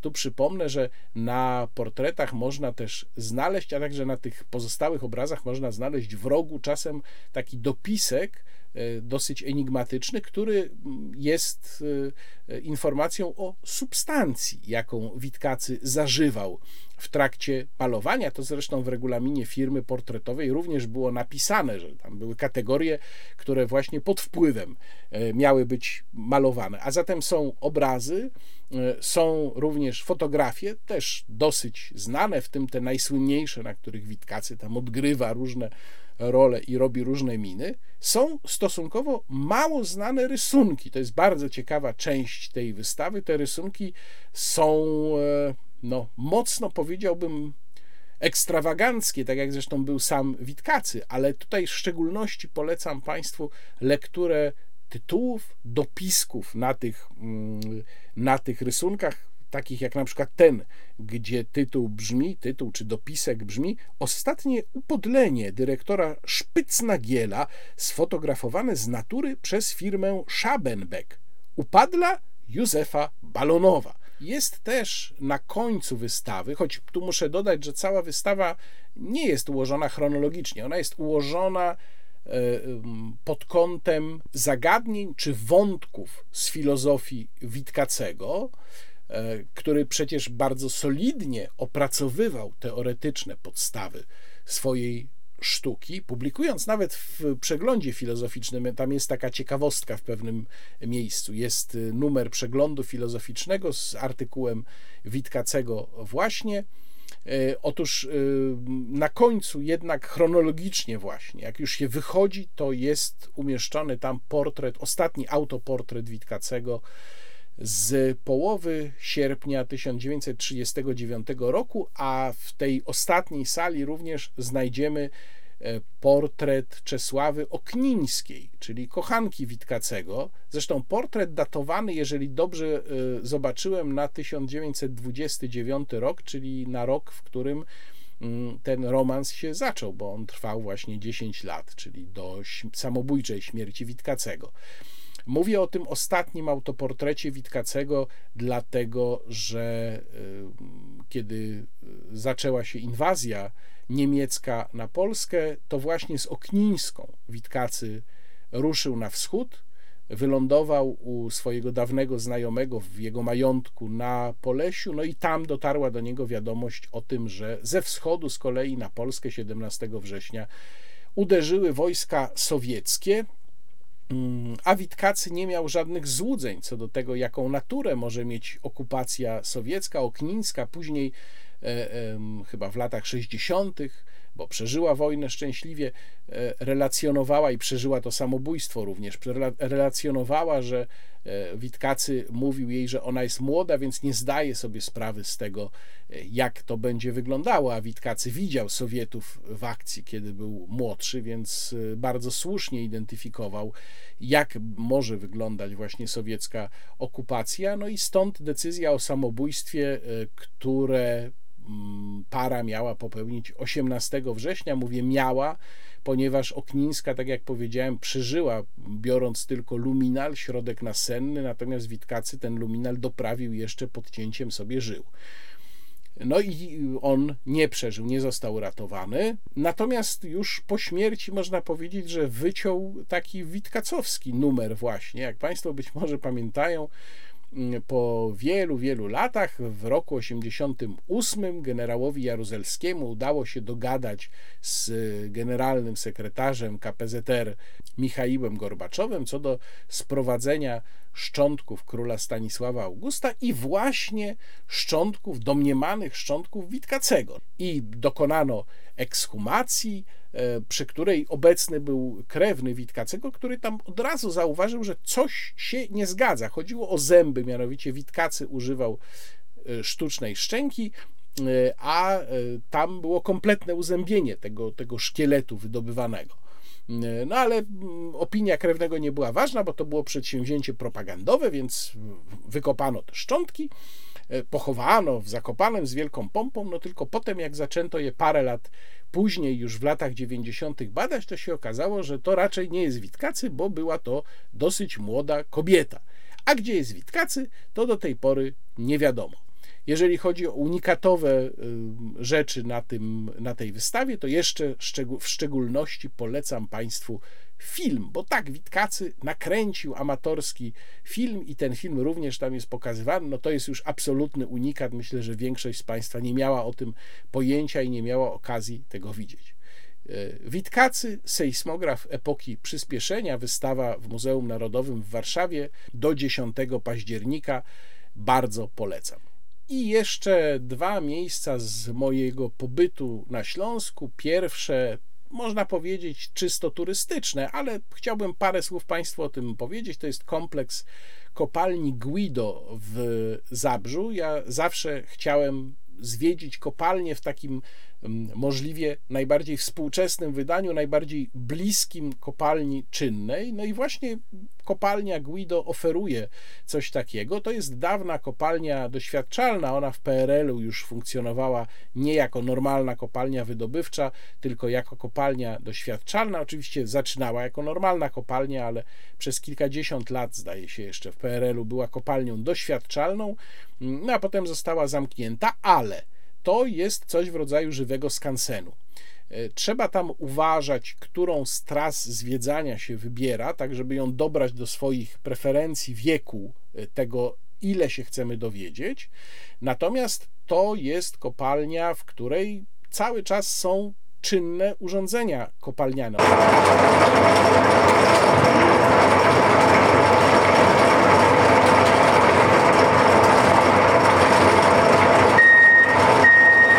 ona w ogóle jest y, podporządkowana prawu górniczemu.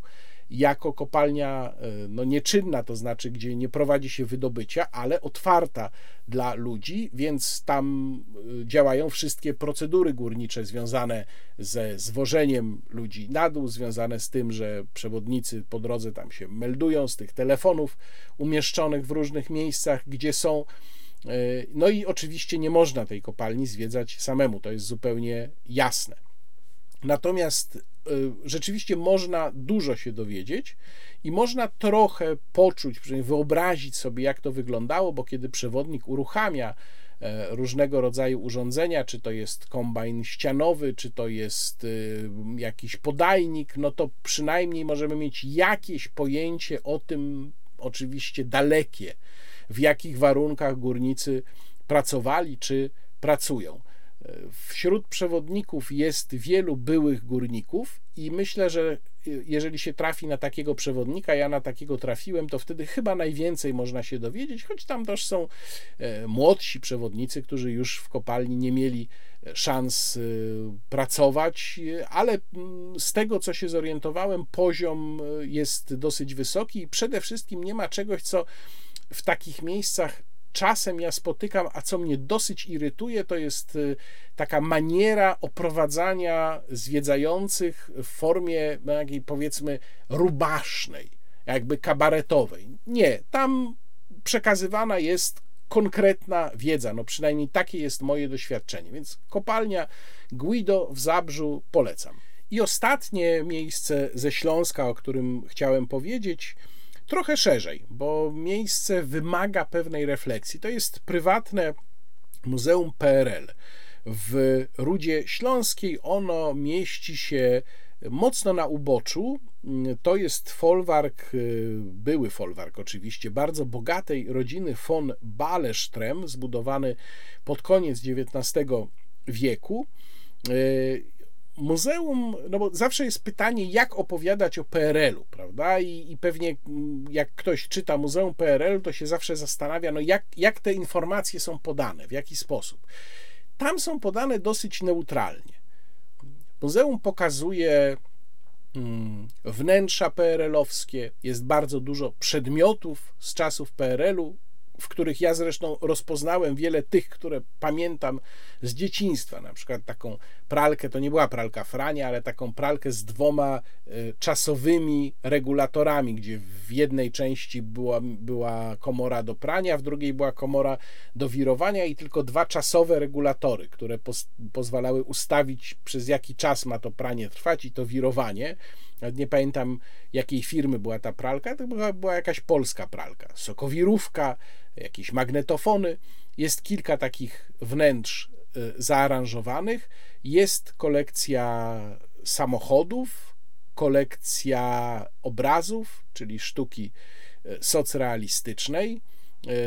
Jest kiosk wyposażony bardzo dobrze, znacznie lepiej niż były wyposażone przeciętne kioski w PRL-u. Jest też na zewnątrz, to jest bardzo ciekawe, kawały takiego obrzydliwego pomnika, który stał od 85 do 91 roku w Warszawie na placu Żelaznej Bramy i zwany był ubeliskiem e, przez e, Warszawian, mm, a formalnie nazywał się pomnik poległym w służbie i obronie Polski Ludowej. Można z bliska zobaczyć, jakie to było obrzydliwstwo socrealistyczne. I również można powiedzieć, że stosunkowo neutralny jest przekaz przewodnika. Mm, przewodnik opowiada, jeżeli oczywiście Państwo chcą zwiedzać z przewodnikiem, bo to nie jest obowiązkowe. Natomiast przewodnik opowiada e, o ciemnych stronach PRL-u i o dobrych stronach PRL-u, choć ta opowieść o dobrych stronach PRL-u jest może trochę naciągana. Co ciekawe, e, w pewnym momencie przewodnik powiedział: Ja teraz opowiem Państwu dowcip i będę mówił po śląsku, bo mam najbardziej śląskie nazwisko, jakie można sobie wyobrazić Warzecha. No bo taka rzeczywiście jest prawda, korzenie mojej rodziny są na Śląsku, zresztą e, dokładnie rzecz biorąc na Śląsku Cieszyńskim. Natomiast zawsze, kiedy wchodzimy do takiego muzeum, to zadajemy sobie pytanie, jak, jak ono będzie nam opowiadało o tamtym okresie. Czy będzie próba przemycenia jakiegoś poglądu. Tak jak powiedziałem, muzeum, przewodnik to jest moim zdaniem dosyć neutralne. Niektórzy mogą uważać, że to dobrze, niektórzy, że źle. Natomiast ja y, przypomniałem sobie jednak, o jakim okresie jest tutaj mowa natychmiast, kiedy tam wszedłem, ponieważ natrafiłem przy wejściu na pewnego pana, który bardzo tak y, zapalczywie argumentował pani sprzedającej bilety, już wychodząc zresztą, że przecież y, gdyby nie PRL, to by tego wszystkiego nie było, a Kaczyński i jego ludzie by przerzucali gnój widłami. No więc ja już miałem na końcu języka, żeby się włączyć i powiedzieć, że też by nie było wtedy strzelania do robotników w 70 roku, że bylibyśmy na dużo wyższym poziomie gospodarczym, że nie byłoby zabójstwa księdza Popiełuszki i wielu innych rzeczy. No ale pan sobie już poszedł. Napisałem o tym tekst, właśnie o tym, czy PRL-u można bronić w ten sposób. Napisałem o tym tekst w magazynie Kontra i ten tekst Państwu polecam. Załączam oczywiście do niego link w opisie filmu. E, natomiast ten, z tego neutralnego przekazu muzeum wyłamuje się wystawa zrobiona przez oddział IPN-u katowicki, która e, na planszach, która tam jest zaprezentowana w tym muzeum i która mówi o e, losach Stalinogrodu. Przypomnę, że Stalinogród to była przez trzy lata nazwa Katowic. E, kiedy umarł Stalin, umarł, prawdopodobnie został zamordowany w 1953 roku, no to w hołdzie właśnie wielkiemu językoznawcy polski Sejm specjalną ustawą zmienił nazwę Katowic na Stalinogród. I tu trzeba też dodać, że niestety tekst tej ustawy prezentował w polskim Sejmie ówczesny poseł Gustaw Morcinek, zasłużony bardzo śląski działacz, natomiast no niestety to jest potężna plama na jego y, życiorysie. Y, miasto nosiło to miano no, do przemian w 1956 roku i tam jest taka historia, która na mnie zrobiła szczególnie duże wrażenie, historia chłopca, który jako pierwszy urodził się po zmianie nazwy z Katowice na Stalinogród. Nie będę tej historii tu Państwu opowiadał, ona jest y, opisana w moim tekście. No i oczywiście znajdą ją też Państwo na tamtej wystawie, jeżeli Państwo odwiedzą to muzeum. Natomiast nie mogę się zgodzić kompletnie z tymi, którzy dzisiaj bronią PRL-u, mówiąc na przykład, że ale PRL zelektryfikował Polskę.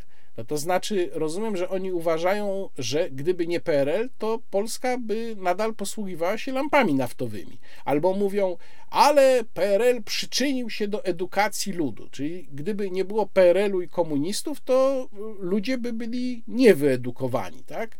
No, to jest przypisywanie PRL-owi y, rzeczy, zasług, osiągnięć, które gdyby nie komunizm, to przebiegałyby prawdopodobnie znacznie szybciej, w znacznie zdrowszej sytuacji i atmosferze, nie kosztowałyby takich wyrzeczeń, a także powiedzmy sobie szczerze, życia tylu ludzi, i tak by oczywiście zostały osiągnięte, no bo to widzimy po tym, jak Zachód się rozwijał. PRL nam w niczym tu nie pomagał. PRL nam wyłącznie przeszkadzał, a przy tym po prostu odbierał nam wolność. No o tym nie zapominajmy. To był po prostu system w dużej mierze na początku totalitarny, potem bardzo, ale to bardzo autorytarny. Też się przypisuje czasem PRL-owi jako y, jego pozytywną cechę, jako jego osiągnięcie, to, że pewnych pewne rzeczy się nie działy, pewnych rzeczy, które dzisiaj nam się nie podobają, nie było. Na przykład, o, ludzie w PRL-u więcej czytali, albo e, w PRL-u to dzieci bawiły się na podwórkach zamiast siedzieć przed komputerami. No ale przecież to też nie jest zasługa PRL-u. To po prostu były takie czasy. No, we Francji, czy w Niemczech Zachodnich, czy w, w, Wielkiej Brytanii dzieci też nie siedziały przed komputerami w latach 70., bo tych komputerów po prostu wtedy nie było. Więc to nie jest jakaś immanentna cecha, immanentna zasługa mm, PRL-u.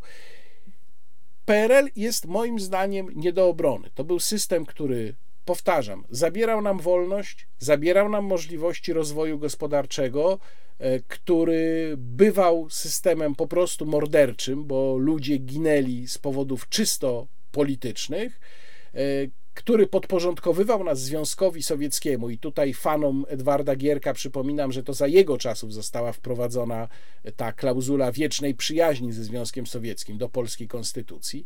Więc jak będą Państwo w tym muzeum, bo warto je zwiedzić, absolutnie polecam, to poza takim odruchem sentymentalnym, który się tam może pojawić u osób, które PRL pamiętają, proszę też pamiętać, co za tym wszystkim stało.